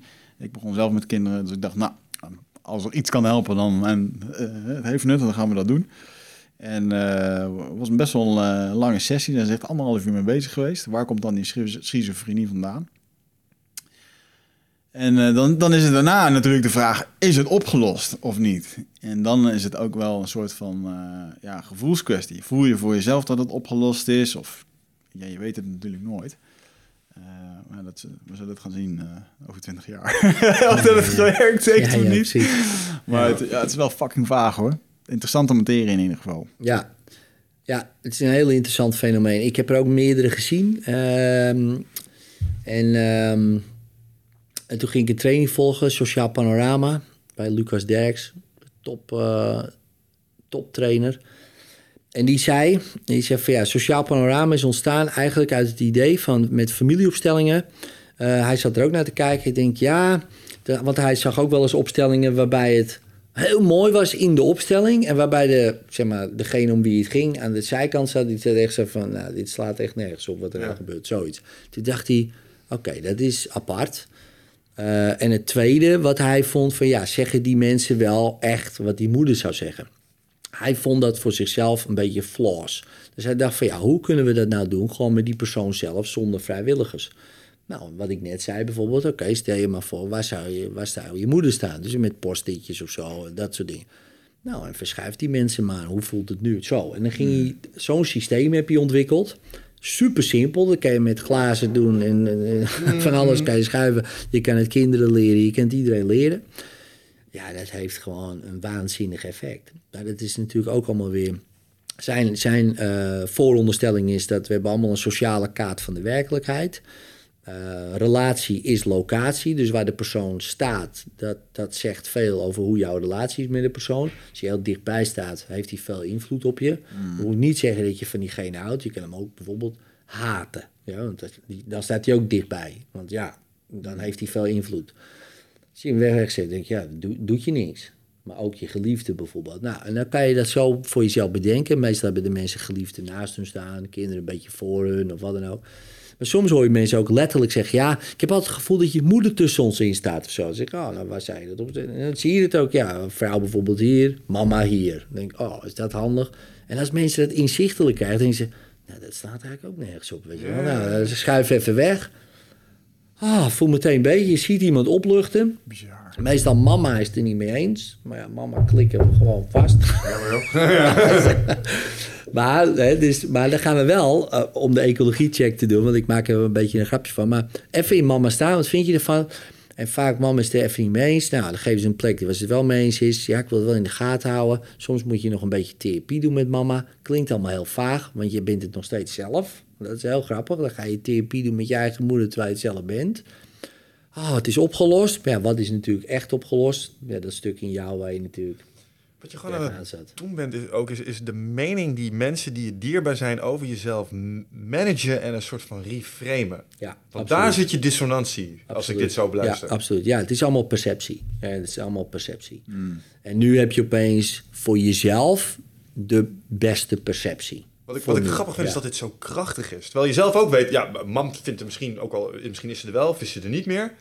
Die was er niet eens fysiek bij. Nee, Eh, er denk misschien nog compleet anders daarover, maar toch omdat we dit nu hebben gedaan, heeft het zo'n Ja, heeft zo'n effect. effect op mij. Dat is fascinerend. Nou, ik heb dit gedaan bij eh, mijn mijn neef. Hè. Die kwam bij me en zei: Ja, ik heb een probleem. eh, ze wil naar huis. Nou, Sir was dan eh, zijn vriendin. eh, die wilde weer terug naar de Dominicaanse Republiek. Zat in Assendelft, koud, winter. eh, alleen op een, op een vleetje. Was werken. Ze denkt: Ik wil weg. Ik wil weer terug naar mijn familie. Het zijn heel familiair.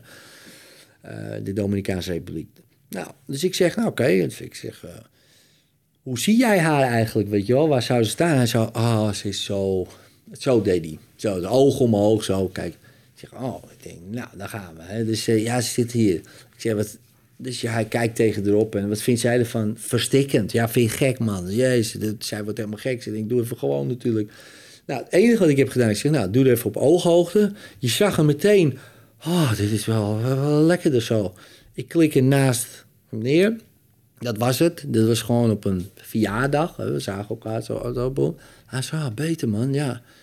Nou, ze zijn getrouwd, twee kinderen, ze woont hier, prima. Niks aan de hand. We hebben het daar nou ook n- niet meer over gehad. Klaar. Ja, Ik denk, dat is toch... Maar stel je voor, iedereen zou dat kunnen. Ja. Stel je voor, iedereen die weet dat idee. Hè? Dus iedereen die het luistert denkt... Oh, geinig, ga ik ook eens even proberen. En het werkt voor die mensen. Dat is toch fantastisch? En ik zit te bedenken wat het effect is op het moment dat dit echt voor je werkt in je perceptie. Want jouw neef zal per direct zijn hele gedrag en houding naar haar in alles wat hij doet hebben aangepast als hij dit echt zo gevoeld heeft. Ja, ja En- zeker. en en zeker. dat, dat zijn natuurlijk kwartjes die je er aan die kant weer wel of niet ingooit nu, waardoor er een compleet andere respons uitkomt. Ja. En zij ook. Zij reageert daar natuurlijk weer anders op. Ze denkt, hey, hij, hij, hij doet niet meer dit of dat. Of oh, hij is misschien, weet ik veel wat zij denkt. Dat weet ik natuurlijk niet. Dat kan ik alleen maar gokken. En opeens eh, hebben ze een gelijkwaardige relatie. Puur omdat hij het gelijkwaardig ziet. Ja, dat, dat, tenminste, dat is dan mijn idee erbij. Want ik heb haar verder daar niet over gesproken. Ja, Ehm, maar het effect was wel eh, zeer interessant. Ja. ja. Eh, Als je dan kijkt naar dat stukje perceptie, dus eigenlijk jouw interne belevingswereld bepaalt gedrag en hoe de reactie van de omgeving op jou is. We hebben het al een paar keer gehad over het belang van taal, NLP. Ehm, is het ook mogelijk, want eh, d- ik ken NLP in een context dat het ontzettend handig is om bijvoorbeeld mensen om je heen, het is een beetje de manipulatiecursus, hè? eh, het NLP. Je kunt mensen in een bepaalde mindset krijgen. Ehm, maar als dat gunstig gedrag is wat je ermee bewerkstelligt, dan denk ik, hey, swa, doen. Ja. Kun je het ook op jezelf toepassen? Kun je jezelf NLP'en? Kun jij je in, interne dialoog zo houden dat die een ander effect op je heeft? Ja, ja dus, dus je zou kunnen zeggen, eh, hè, dus alles is perceptie. Hè, dus, ehm, en hoe jij tegen jezelf praat, zo voel je. Eh, maar dat, dat, dat hoe je tegen jezelf praat, is natuurlijk heel wat anders dan wat je zegt tegen jezelf. En dat wat je tegen jezelf zegt, is ondergeschikt aan hoe je het zegt. Oké. Hè, bijvoorbeeld, als ik tegen iemand zeg eh, buiten op straat: hey, klootzak, hoe is het? Is heel anders dan hey, klootzak, zo. Ja. En zeg ik nog steeds hetzelfde, alleen met een andere tonaliteit. Dus het komt heel anders over. Als ik dat op mijn meest sexy stem zou zeggen, dan ja, dan ja, misschien, Misschien ja. misschien heb ik van- nog een date. Ja, ja, ja. Hè, dus eh, dus, dus dan, dan zie je eigenlijk alweer, en dat weet eigenlijk iedereen wel, is dat die, die inhoud in wezen natuurlijk wel belangrijk is, maar minder belangrijk is dan hoe je het zegt. Dus Ja. stel je voor, je zou nog steeds hetzelfde zeggen. Bijvoorbeeld, ja, ik ben gewoon niet goed genoeg, weet je wel. En je zou het bijvoorbeeld op een andere toon zeggen, bijvoorbeeld je meest sexy stem. En dat klinkt wel belachelijk. Ja, en dan eh, lig je in een deuk om wat je tegen jezelf zegt. En zo zou je, dat zijn allemaal van die NLP-trucjes, om zeg maar de, het beeld eh, wat je eh, van bijvoorbeeld die spin maakt, om die zo te veranderen dat het goed voelt. De stem in je hoofd, de gedachten zo te veranderen dat het goed voelt. Het is allemaal goed voelen. Eh, en bijvoorbeeld het gevoel wat je voelt. eh, een draaiing te geven, die om te draaien, zodat het neutraliseert en dus weer goed voelt. Nou, dat zijn allemaal strategieën. Die strategieën werken. Maar als je kijkt waarom ze werken, kom je toch weer bij hypnose uit. Want om het, dat te geloven, hè, van als ik tegen jou zeg, ja, je gevoel draait, zeg je, draait helemaal niet, waar heb je het over? Maar als ik jou meeneem in dat idee van, ja, maar als het nou zou draaien, ja, nee, dan zo. Op dat moment, boom, heb ik jou geframed in het draait dus. Dus nu kan je het omdraaien en dan heb je sowieso een ander resultaat, want dit was shit. Nou, dan kijken we wel wat dit wordt, maar in ieder geval niet shit, want dit was shit. En dat heb jij zelf gedaan, maar je denkt dat ik dat doe. En dat is prima. Als hypnotiseur prima Sure. de credits nemen. Ja, ja. Altijd goed. Oh, hij kan echt dingen, weet je wel. Ja, klopt, weet je. maar, maar in wezen doet de persoon het natuurlijk... omdat die gewoon mijn suggesties aanneemt.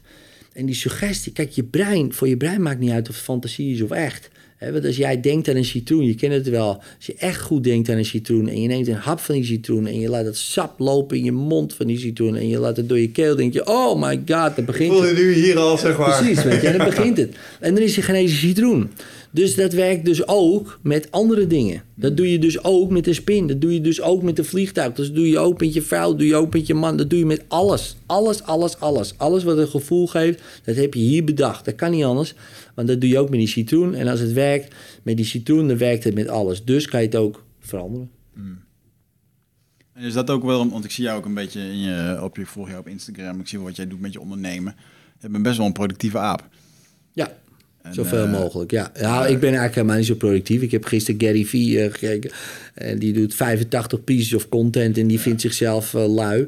Dus toen dacht ik, nou, dan ben ik, lig ik alleen maar te slapen. Hè. Dus, maar als ik dat gewoon een beetje zie met online ondernemend Nederland en wat je doet. ik ben wel ja, voor, voor heel veel mensen productief. Ja. Is dat altijd zo geweest? Of heb je jezelf daarin getraind door middel ook van hypnose? Ik ben wel altijd wel... eh, eh, Vorige keer vertelde je ook over de Edwin die vroeger in de kroeg ging nog. En, eh, dat Ja, zeker, zeker. Ja, voor mijn onderneming was ik bouwvakker, was ik verslaafd aan de drugs en de drank en eh ging ik alleen in de kroeg. Ja, klopt. Maar was ik ook best wel productief. eh, maar Maar zeg je, andere side hustles als Ghostbuster en van alles. Dus, eh, Dat maar dat, nog daarvoor was ik ook wel... Ja, ik had altijd wel... Maar even, eh, zat je dan met die geesten en dingen, dat vind ik dan wel interessant. Die geestentijd, was het ook in de tijd dat je drugs gebruikte? Want, gebruikte- dan hebben we een andere, dan hebben we een ander gesprek. Ja, ja, ja. ja. Nee, toen, toen gebruikte ik nog steeds drugs. Ja, ja dat klopt, ja. Ja. Dus ik, eh, ik gebruikte drugs vanaf mijn zestiende zo'n beetje. Tot mijn dertigste. en als je zegt drugs, wat, waar hebben we het dan over? Alles, ja, behalve heroïne. Dus, eh, dus alles gooide ik erin. Ja, ik was een groot verbruiker. Hè? Dus, eh, dus ik eh, iedere dag, ja. Dus ehm, ik zie er nu beter uit dan vroeger. Nee, ik zag wel eens foto's terug en denk ik, jezus Christus. ik had mezelf aardig toegetakeld. Eh, maar het is toch fascinerend wat het lichaam kan hebben. Ehm, maar weet je, ik had gewoon, eh, weet je, ik was toen eh, heel depressief. Ik was bang, ik was heel onzeker. Ik wilde ook eigenlijk helemaal niet leven. Het interesseerde me niet. En toen vond, de, vond ik de drugs of de drugs vond mij. En toen dacht ik, wauw, nou ja, als je dan toch eh, leeft, doe dan maar iedere dag een ecstasytje. Nou, toen ging het eigenlijk wel. Eh, weet je, totdat dat het probleem wordt, natuurlijk. Dat gaat het een keer gebeuren dan. Dan werd het nog erger dan het probleem. En op een gegeven moment ben ik gestopt, dankzij een, eh, een emotionele gebeurtenis met mijn zoon. Dus ik had toen al drie kinderen. Mijn zoon kwam in het ziekenhuis en ja, dat was wel eh, heftig, want eh, hij was zes weken oud en de dokter zei, ja, eh, misschien haalt hij het niet. Ik hè, sorry? Ja, misschien haalt hij het niet. Ik fuck. Ik voelde zo pijn en ik was gewend, oké, iedere pijn meteen verdoven. Dus ik liep gewoon weg. Mijn vrouw was daar met die kinderen. Ik zeg, ik ga. Ja, maar een kind. Ik ik ga. Ik liep gewoon weg. Ik naar huis. Vrienden bellen. Ik zeg, eh, langskomen. Nou, je langskomen? Allemaal shit. Ik gebruiken. Lukte niet. De pijn ging niet weg. Toen zag ik opeens allemaal beelden van zijn begrafenis. Boom, boom. En toen hoorde ik een stem en zegt, ja, als jij hiermee doorgaat, dan gaat hij dood. Dat is jouw schuld. Nou, dat was klaar. Gooi alles weg, gootsteen. Eh, nooit meer gedaan. Hmm. Er meteen klaar mee. Ik had lang haar tot hier, eraf, hoppakee. Ik zag gewoon een andere persoon opeens in de spiegel binnen een paar weken. Hè. Dus ik moet je voorstellen, ik had donkerblond haar. En, eh, En ik, ik haalde het eraf en het werd gewoon zwart. En ik had lichtere ogen, iets, iets lichter dan nu. En ik keek gewoon in de spiegel. Ik denk, ja, dit was het. Dat is een andere Edwin, klaar. Ik zei tegen mijn vrienden, dat was nog het meest fascinerende eigenlijk. Moet je je voorstellen, het zijn jongens met wie je ze- eh, 14 jaar lang omgaat. Je ziet ze minimaal iedere week. Oh, honderd keer hebben we wel gezegd, we stoppen ermee. En dan kwamen ze altijd weer terug. En ik ook weer. Ik zeg, jongen, het is klaar. Het feest is over. Ze gingen weg, ik heb ze nooit meer gezien. Ja. Letterlijk niet, hè? Tot nu op de dag van vandaag heb ik ze nooit meer gezien. Ze kwamen gewoon niet meer. En ik denk, hè? Maar dat was ook heel logisch. Het was echt zo'n soort, nou ja, shift van de reality. Dus ik dacht, wow. En daar ontdekte ik voor mezelf, zie je wel, je kan dus snel veranderen.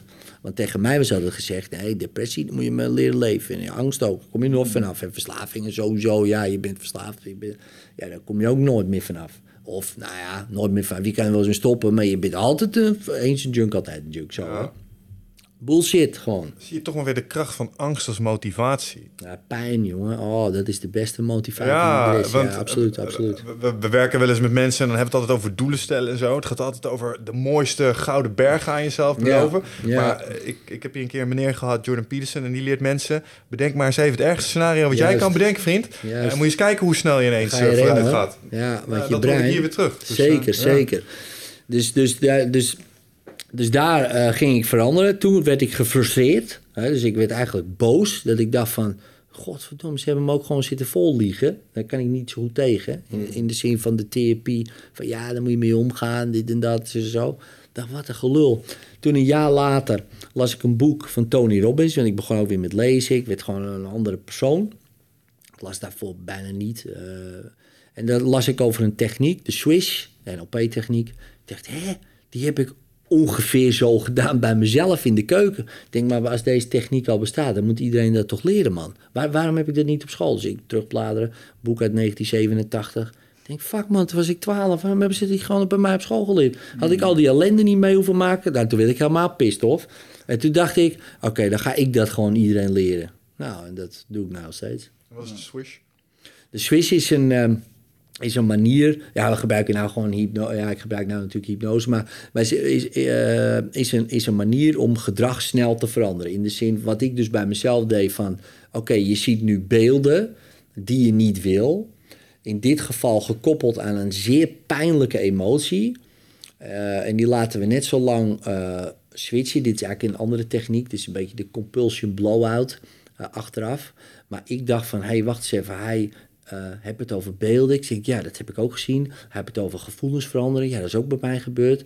En het was niet helemaal de Swiss, moet ik toegeven. Maar ik dacht van wel, toen de tijd. Eh, dus ik dacht, fuck, maar dat bestaat dus. Je kan dus met beelden, als je dus beelden blijkbaar creëert of eh, kon... en daar emoties aan hangt kan je dus een change maken die gewoon life-changing is. Ik denk, en ik deed het in een paar seconden, maar dat kwam ook natuurlijk van gigantische pijn en al, nou, al die opstapeling erbij natuurlijk. Het is niet een opbouw van 30 jaar geweest. ook Een gewoon. opbouw Ja. natuurlijk, maar de verandering is altijd zo, hè? Ja. Dus waarom wachten? Eh, dacht, ik denk, ja, waarom wachten? Stel je voor, ik kan iedereen krijgen heel, heel snel in dat moment. Ja. Nou, dat werd een beetje mijn zoektocht. Nou, dat lukt dat niet.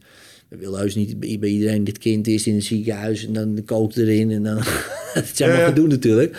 Maar als wij natuurlijk ergens een hefboom kunnen creëren. Nou, en vaak, hè, daarom gebruiken we die regressie. Omdat je dan, als je in hypnose en je bent weer dat kleine kind... en je bent in dat moment suprem waar de ellende eigenlijk begon zo'n beetje... dan voel jij pijn. Dan ga jij denken, fuck, maar dit wil ik niet, man. En als je dan een coach hebt... Ik had die stem, die zegt, oké, als jij hiermee doorgaat, is jouw schuld. Dus, eh, nou, dat zeggen we niet tegen dat kind natuurlijk. Maar ik zeg, oké, wat wil je doen? En ik ben erbij. En we coachen dat kind naar iets anders. Dat hij opeens voelt, fuck man, weet je, ik heb hier wel de controle in deze situatie. Ja, dat is life-changing. Ja. Coach jij nu dan ook jonge kinderen vanaf boven die acht jaar die er wel vatbaar voor zijn? Ehm, is, het- is het handig daarvoor? Ja, ja, ja. We kun, je kan kinderen zeker wel helpen. Alleen je moet altijd afvragen van... is het niet handiger om eens die ouders te helpen? Dus, dus stel je voor dit kind... hè, mama die zegt, ja, mijn kind heeft een probleem en je moet er vanaf. Kan. Dan zegt, nou, kom jij eerst maar bijvoorbeeld. Ik, ik heb geen probleem. Nou, We'll see. Ja. Dus dan kunnen we eerst een gesprek hebben en dat uitleggen natuurlijk. Van eh, ja, weet je, eh, het zou kunnen zijn dat. Dus eh, je moet je zo voorstellen dat, ehm, dat, eh, dat, dat weet iedereen denk ik wel. Eh, kinderen, zeker hoe jonger, hoe hechter de, met de moeder. En als er wat met die moeder gebeurt, gebeurt er ook wat met het kind. Ja, dat, dat is uit studies met hechtings. eh, nou ja, goed, daar gaan we allemaal, in- hoef ik niet allemaal te diep op daar- in te gaan. Maar nog, iedere dag zit ik me dat af te vragen. Ben ik nu mijn dochter goed aan het opvoeden? Helpt het met de banding of gaat dit er ver- verkloten bij wijze van spreken? En je kunt het, ja, ja, de 9 van de moeder- 10 keer is het antwoord ja, dit gaat er verkloten. ja sowieso. Ja, ja, ja, ja. Maakt niet uit wat je doet. Ja, maar, ja, dat is wel. Maar het goede nieuws is, hoe bewuster, hoe beter, denk ik dan. Hè? Dus, ehm, eh, maar de moeder heeft de grootste impact, helaas. Of misschien wel goed. Hè? Dat is maar net hoe je de, wie de moeder is, misschien. Maar, Even geredeneerd als man nu. eh, Ja. Even geredeneerd. Maar mannen hebben op zich, ja, een stuk minder invloed. Zeker in het begin. Natuurlijk hebben ze invloed. eh, Ze hebben best wel wat invloed. Maar de moeder heeft echt de, verreweg de meeste invloed. Zelfs zo sterk dat eh, eh, Tony Madrid, dat is een eh, Amerikaanse psycholoog, die heeft een, een protocol om kinderen te helpen met astma. van 0 tot 8 jaar zo'n beetje. Dus als een kind 3 is, dan kan hij ze helpen met astma. Doet hij drie hypnosesessies. En na drie sessies is eh 83% van de kinderen is bevrijd van astma. Nou, die sessies, dat is, nog het mee, dat is al interessant. Maar die sessies doet hij nooit met het kind, alleen met de moeder. Dus hij doet één sessie goede zwangerschap, één sessie goede bevalling, derde sessie goede hechting. 83% geen astma. Dat vind ik fascinerend. Ja. Dus hoe sterk die band is, als je dat met jou zou doen, bij wijze van spreken als vader, gebeurt er helemaal geen fuck. of eh, nou ja, misschien overdreven, maar dan kan je heel moeilijk natuurlijk een zwangerschap gaan doen. Gemiddeld Eh, genomen. Ja. eh, gemiddeld genomen gebeurt er een stuk minder eh, dan, dan bij, die, eh, bij die moeder. Dus ja, wat er dan, die, die symbiose tussen mensen is ook logisch, weet je. Ja, zit eerst negen maanden in die buik, dan komt hij eruit. Die zitten nog steeds gigantisch in die, in die, in die hechting. En dat wordt na het achtste jaar, ja, dan wordt het significant minder. Ja. Dan gaat dat los. Dan, eh, wordt de, va- dan heb ik gelezen dat de vaderrol ontzettend belangrijk wordt. eh, om ze dan wordt- dan wordt de vader- wereld in te sturen en eh, te ondersteunen. Dus je hebt nog zeven jaar de tijd. Ik heb, nee, daar heb ik nog wel even tijd voor. Maar ik las laatst een, onder- ik las laatst een onderzoek dat een, eh, Ja. eh, jongeren die in de problemen raken, zelfmoordneigingen, drugsverslavingen, dat soort dingen, dat eh, een van de grootste, of de grootste invloedsfactor was eh, geen vader, slechte relatie met vader. Ja.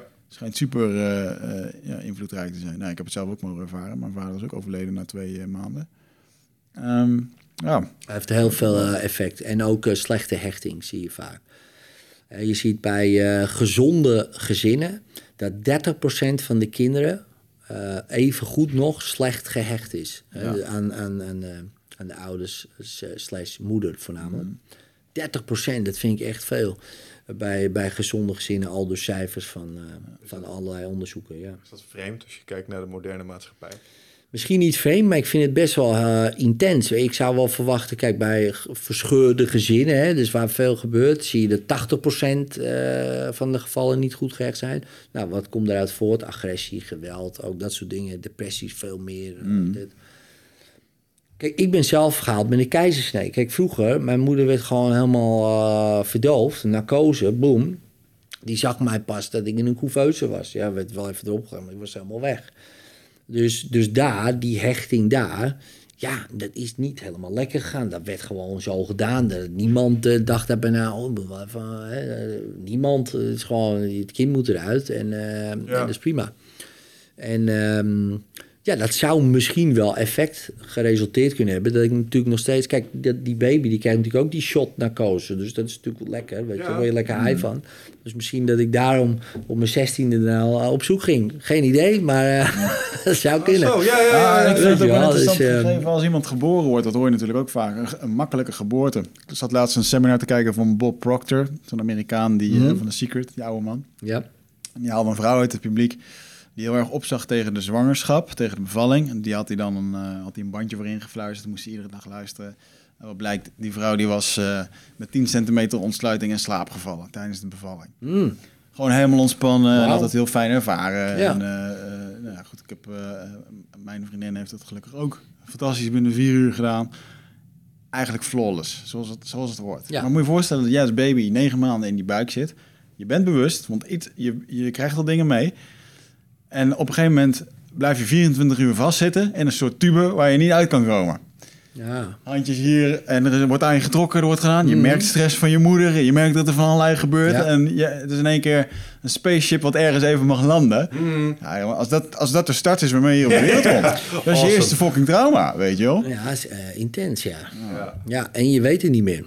Zo, ik probeer toch nog even het hele idee los te laten van met 10 centimeter ontsluiting in slaap kunnen vallen. Ik probeer me even voor te stellen dat bij mij mijn anus gebeurt. dat ik dan in slaap val, dat lukt niet. Ja, Als je heel ontspannen Ik bent. weet niet, ik weet niet hoe je bed er daarna uitziet. Maar goed, ja, dat, eh, Laten we daar niet al te lang bij stilstaan. nee, dat is een goed idee. Ja. Nou, nou ik, ik heb wel bij mijn eh, vriendin dan gezien tijdens de bevalling. Want het is wel mooi dat ik... voor- Ik had eh, eh, een hypnose, een ademtechniek slash hypnose techniek. Eh, samen met Robert Bridgman, ook al bekend aan Ja, jou. zeker. Ja, heel Dat bekend. is ja. doorgenomen van ja, hoe kan ik nou, eh, hoe kan ik een bijdragen in die bevalling? Want dat is ook vaak zo'n ding, hè, dat de man dan er langs zit met zijn PlayStation of met zijn spelletje te wachten totdat het gebeurt. Nou, dat wilden wij niet. Maar hoe kan ik daar een actieve rol in? Dat was mijn idee. Dan breng ik op het moment dat die weeën beginnen, dan breng ik haar in een lichte hypnose door middel van ademtechniek en dingen. Ik ben natuurlijk helemaal zenuwachtig van shit, hoe ik dat ga doen. Geprobeerd van tevoren, ging wel aardig.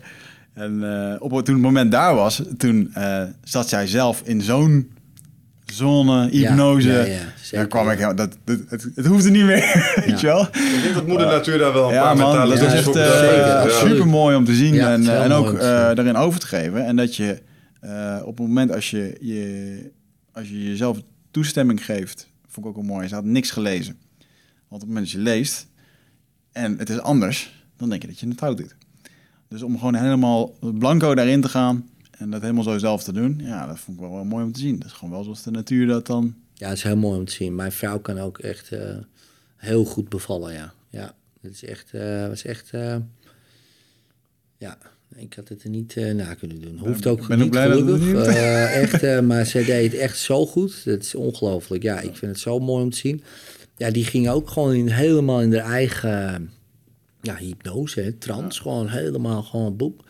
En het was ook eh, vrij snel... eh, vrij snel voor elkaar, ja. Ja, Ja, dan hoor je ook mooi. vaak dat, dat, dat, omdat er dus geen gevecht is, dat als je het dan zo mag zeggen, dat de schade ook echt gewoon minimaal is. Of eh, ik heb echt wel eens, er zijn volgens mij filmpjes op internet van eh, een vrouw in Afrika die gewoon op het land aan het werk is, die op een gegeven moment moet bevallen. Die bevalt dan. En die doet het kind vervolgens in, in een doek en die loopt gewoon het land af, weet je wel. Van dat soort dingen. Ja, Echt, eh, wij leven Ja. hier in zo'n wereld waar dit, als jij nu, eh, veel mensen die raken zwanger en die gaan de volgende dag kijken welke pijnbestillers ze kunnen gebruiken tijdens de bevalling. Als Ja. dat het startpunt is, hoe we deze bevalling ingaan, ja. Ja. dan better prepare, weet Ja, je je mag in Nederland helemaal geen ruggenprik tijdens je bevalling. Krijg je dat soort dingen? ja, Ja, ja. Mag dat niet? Nee, dat mag niet. En en Nou, aan niet- de andere niet- kant, ja, ik vind het als jongetjes toch altijd een beetje makkelijk lullen. Zo van, eh, ja, je neemt toch geen ruggenprik als je van onder helemaal... ja, eh, ja, natuurlijk snap ik dat wel. Kijk, ik snap, het, ik snap het ook. En ik, eh, ik ga er ook helemaal niet tegen in. dat is sowieso niet verstandig om, Om tegen een zwangere vrouw in te gaan. vrouw in te gaan. Dat moet je gewoon Ja, niet doen. ja, ja. Gewoon prima. Je hebt helemaal gelijk. eh, want ik weet het toch ook niet. Eh, wat ik wel denk is, eh, als we weer eh, kijken naar hypnose... en ook in de jaren 50 bijvoorbeeld... werden er heel veel bevallingen uitgevoerd onder hypnose. In de Verenigde Staten dan voornamelijk.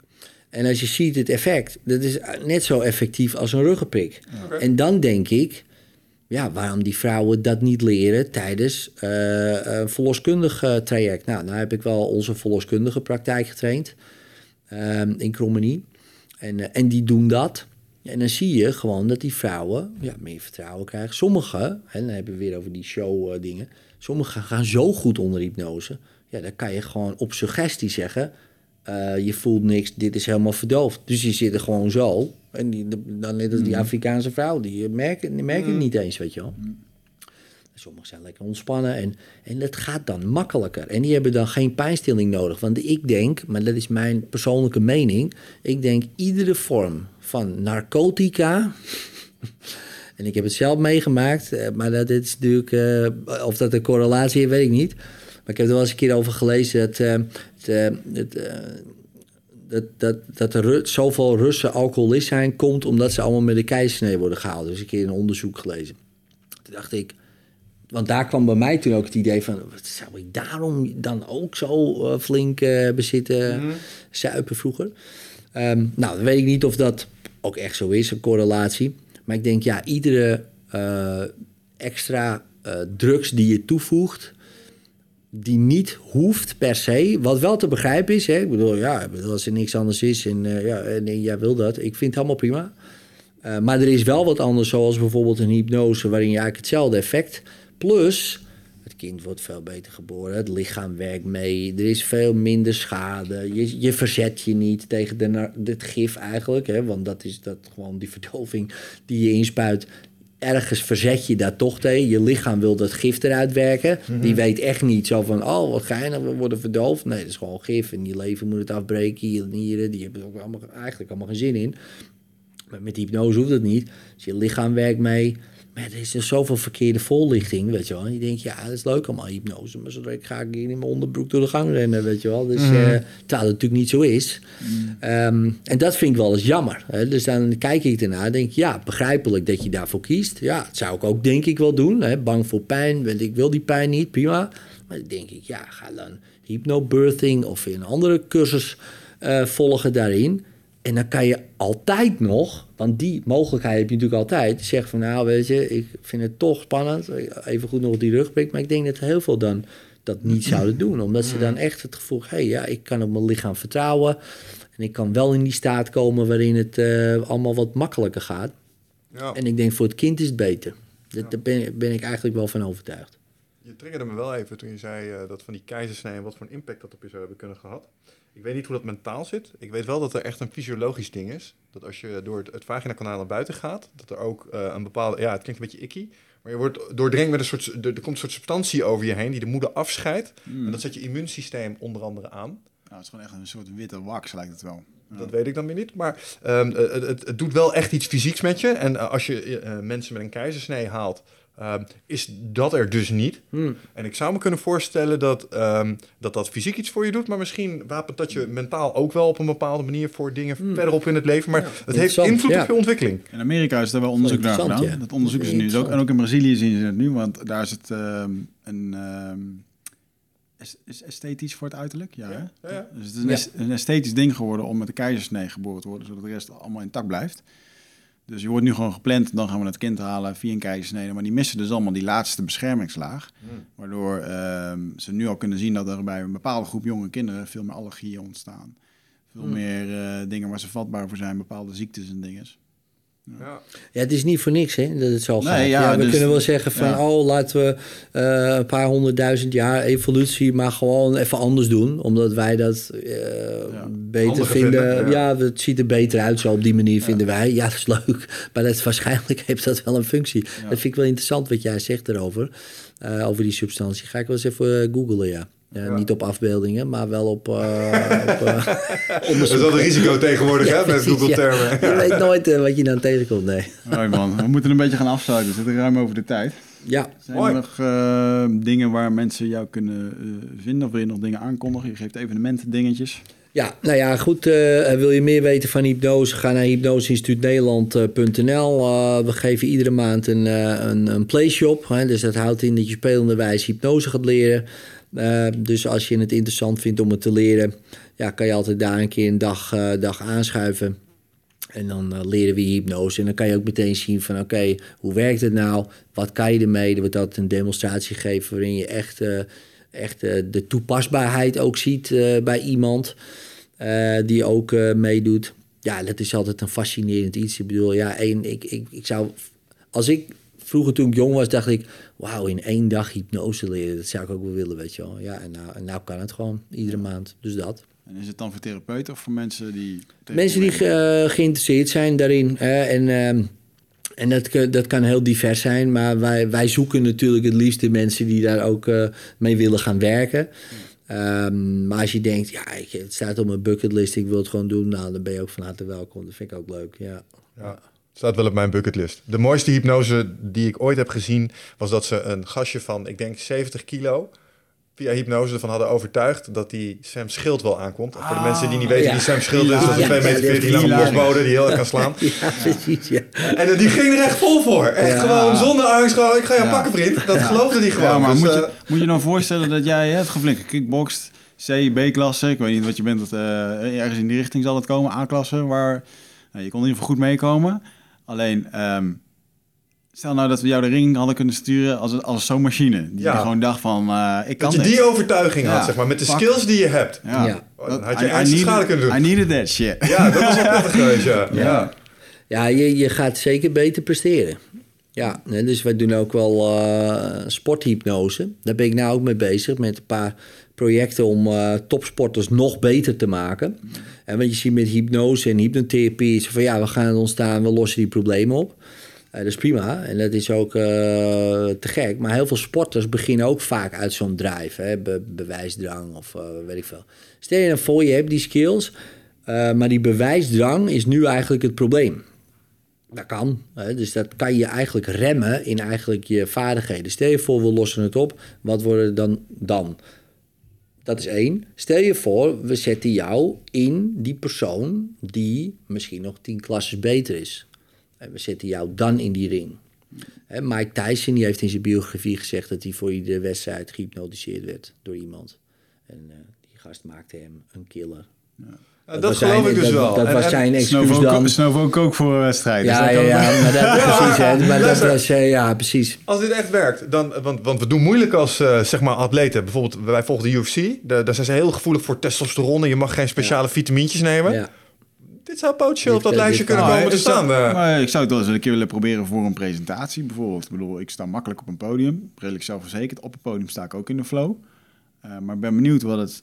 eh, vaak is het toch factor van herrie, stress of eh, dingen die niet goed gaan voor zo'n evenement. En dat je... Hè, Dat je even zo zit, ja. eh, presentaties die niet goed werken, weet ik veel wat. En, eh, en ik zou me voorstellen, ja, als je echt bijvoorbeeld zo'n hele dag op een podium staat, à la een Toby Robbins, je zou jezelf er echt helemaal voor primen, dat je de, ja, dan denk ik wel dat dat ja. kan doen, ja. Het beter. Ja, geloof ik ook wel. In de jaren 60, heel kort nou, in de jaren 60 was een Australisch zwemteam. Stond op de voorpagina van het AD, kan je nog googlen. Was op de Olympische Spelen, zaten allemaal op de rand van het zwembad. Foto's zag je, allemaal kopjes naar beneden. Liep één vent voor, dat was de hypnotiseur. Nou, ik kan me voorstellen dat heel veel zwemmers dachten, wat zijn die gasten nou aan het doen? Boom, ze ontwaakten, ze wonnen allemaal goud. Hmm. En daarna heb je het nooit meer gezien op de Olympische Spelen. Nou, dat kan twee dingen betekenen. Het mag niet meer, want het is doping. Nou, dat kan niet. Dan is het underground. Ja, oké. Maar ik zou me echt wel kunnen voorstellen dat als, dit, eh, zeg maar, als je dit kunt vaststellen in een, een klinische setting en in een onderzoeksopstelling en je kunt dit bewijzen, dat het in aanmerking zou moeten kopen voor zeg maar, het eh, gebruiken van eh, performance enhancing drugs. Eigenlijk. Want wat je, wat je doet is, eh, je, je maakt iemand beter dan dat hij natuurlijk is Ja. door een externe impuls. Nee, maar Ja, dit is toch je natuurlijk. Ja, precies. Ja, ja. En dat, dat is natuurlijk een, een, een grijs gebied. Want is dan eh, een placebo, een pilletje waar niks in zit... en jij gaat 10% beter of 2% beter presteren... is dat dan ook drugs? Er staat niks in. Is dan die hypnotische suggestie... dat ik nu tegen jou zeg, jij bent eh, Sam Schild... ga maar in die ring, sloop die gast... en jij denkt, godverdomme, zo bam... en je, en je presteert daardoor significant beter. Is dat dan drugs? Ja, ja, ja, ik denk dat het is, antwoord ja. op die vraag dus afhankelijk is van was het me ook gelukt als je het niet had gedaan. Ja, ja, dat, en- maar ja, dat kunnen we. Ja, dit is heel lastig te testen. Ja, maar daar, daar ligt wel een soort van grijs gebied, kan ik me dat is voorstellen. ook een grijs gebied, Het onderstreept de toegevoegde waarde van hypnose en wat het voor je kan betekenen, volgens mij, des te meer. Ja. Als het op zo'n lijst zou komen. Ja, Want dan werkt het dus echt. Ja. Dus eh, ik ben druk aan het experimenteren met verschillende sporters. Ja, Gaaf. dus, eh, Ik zou zeggen, hou ons op de hoogte. ja ga ik zeker doen. Wil je. Michel ooit nog een keer op een podium gekke dingen laten doen? Dus dat is een keer als een eindbaas experience doen. Wil jij dat doen? Durf je dat aan? Dat ik gewoon jou mag... eh, Dat jij mij mag hypnotiseren. Ja, Wij hey, kunnen best een ja, keer naar zo'n ja, dag gaan waar die... ja, dat als is je wel het leuk leuk. vindt. Ja, ja, Jij ja. hebt, eh, jij hebt zeker, flashbangs zeker. naar mij mogen gooien. Nu mag ik jou... eh, Het minste wat jij mag is mijn mindfucken, is wat je zegt. ik geloof dat we dit van tevoren hadden moeten afspreken, maar ik ben bereid om dit te overwegen. Geinig tijdens zo'n podcast. Ja, Mooi. Ja, Alright. Cool. Edwin, ik vond het echt een geweldig gesprek. Dankjewel. jou ook bedankt man. Luisteraars, tot de volgende keer. Dankjewel. Ciao. Out.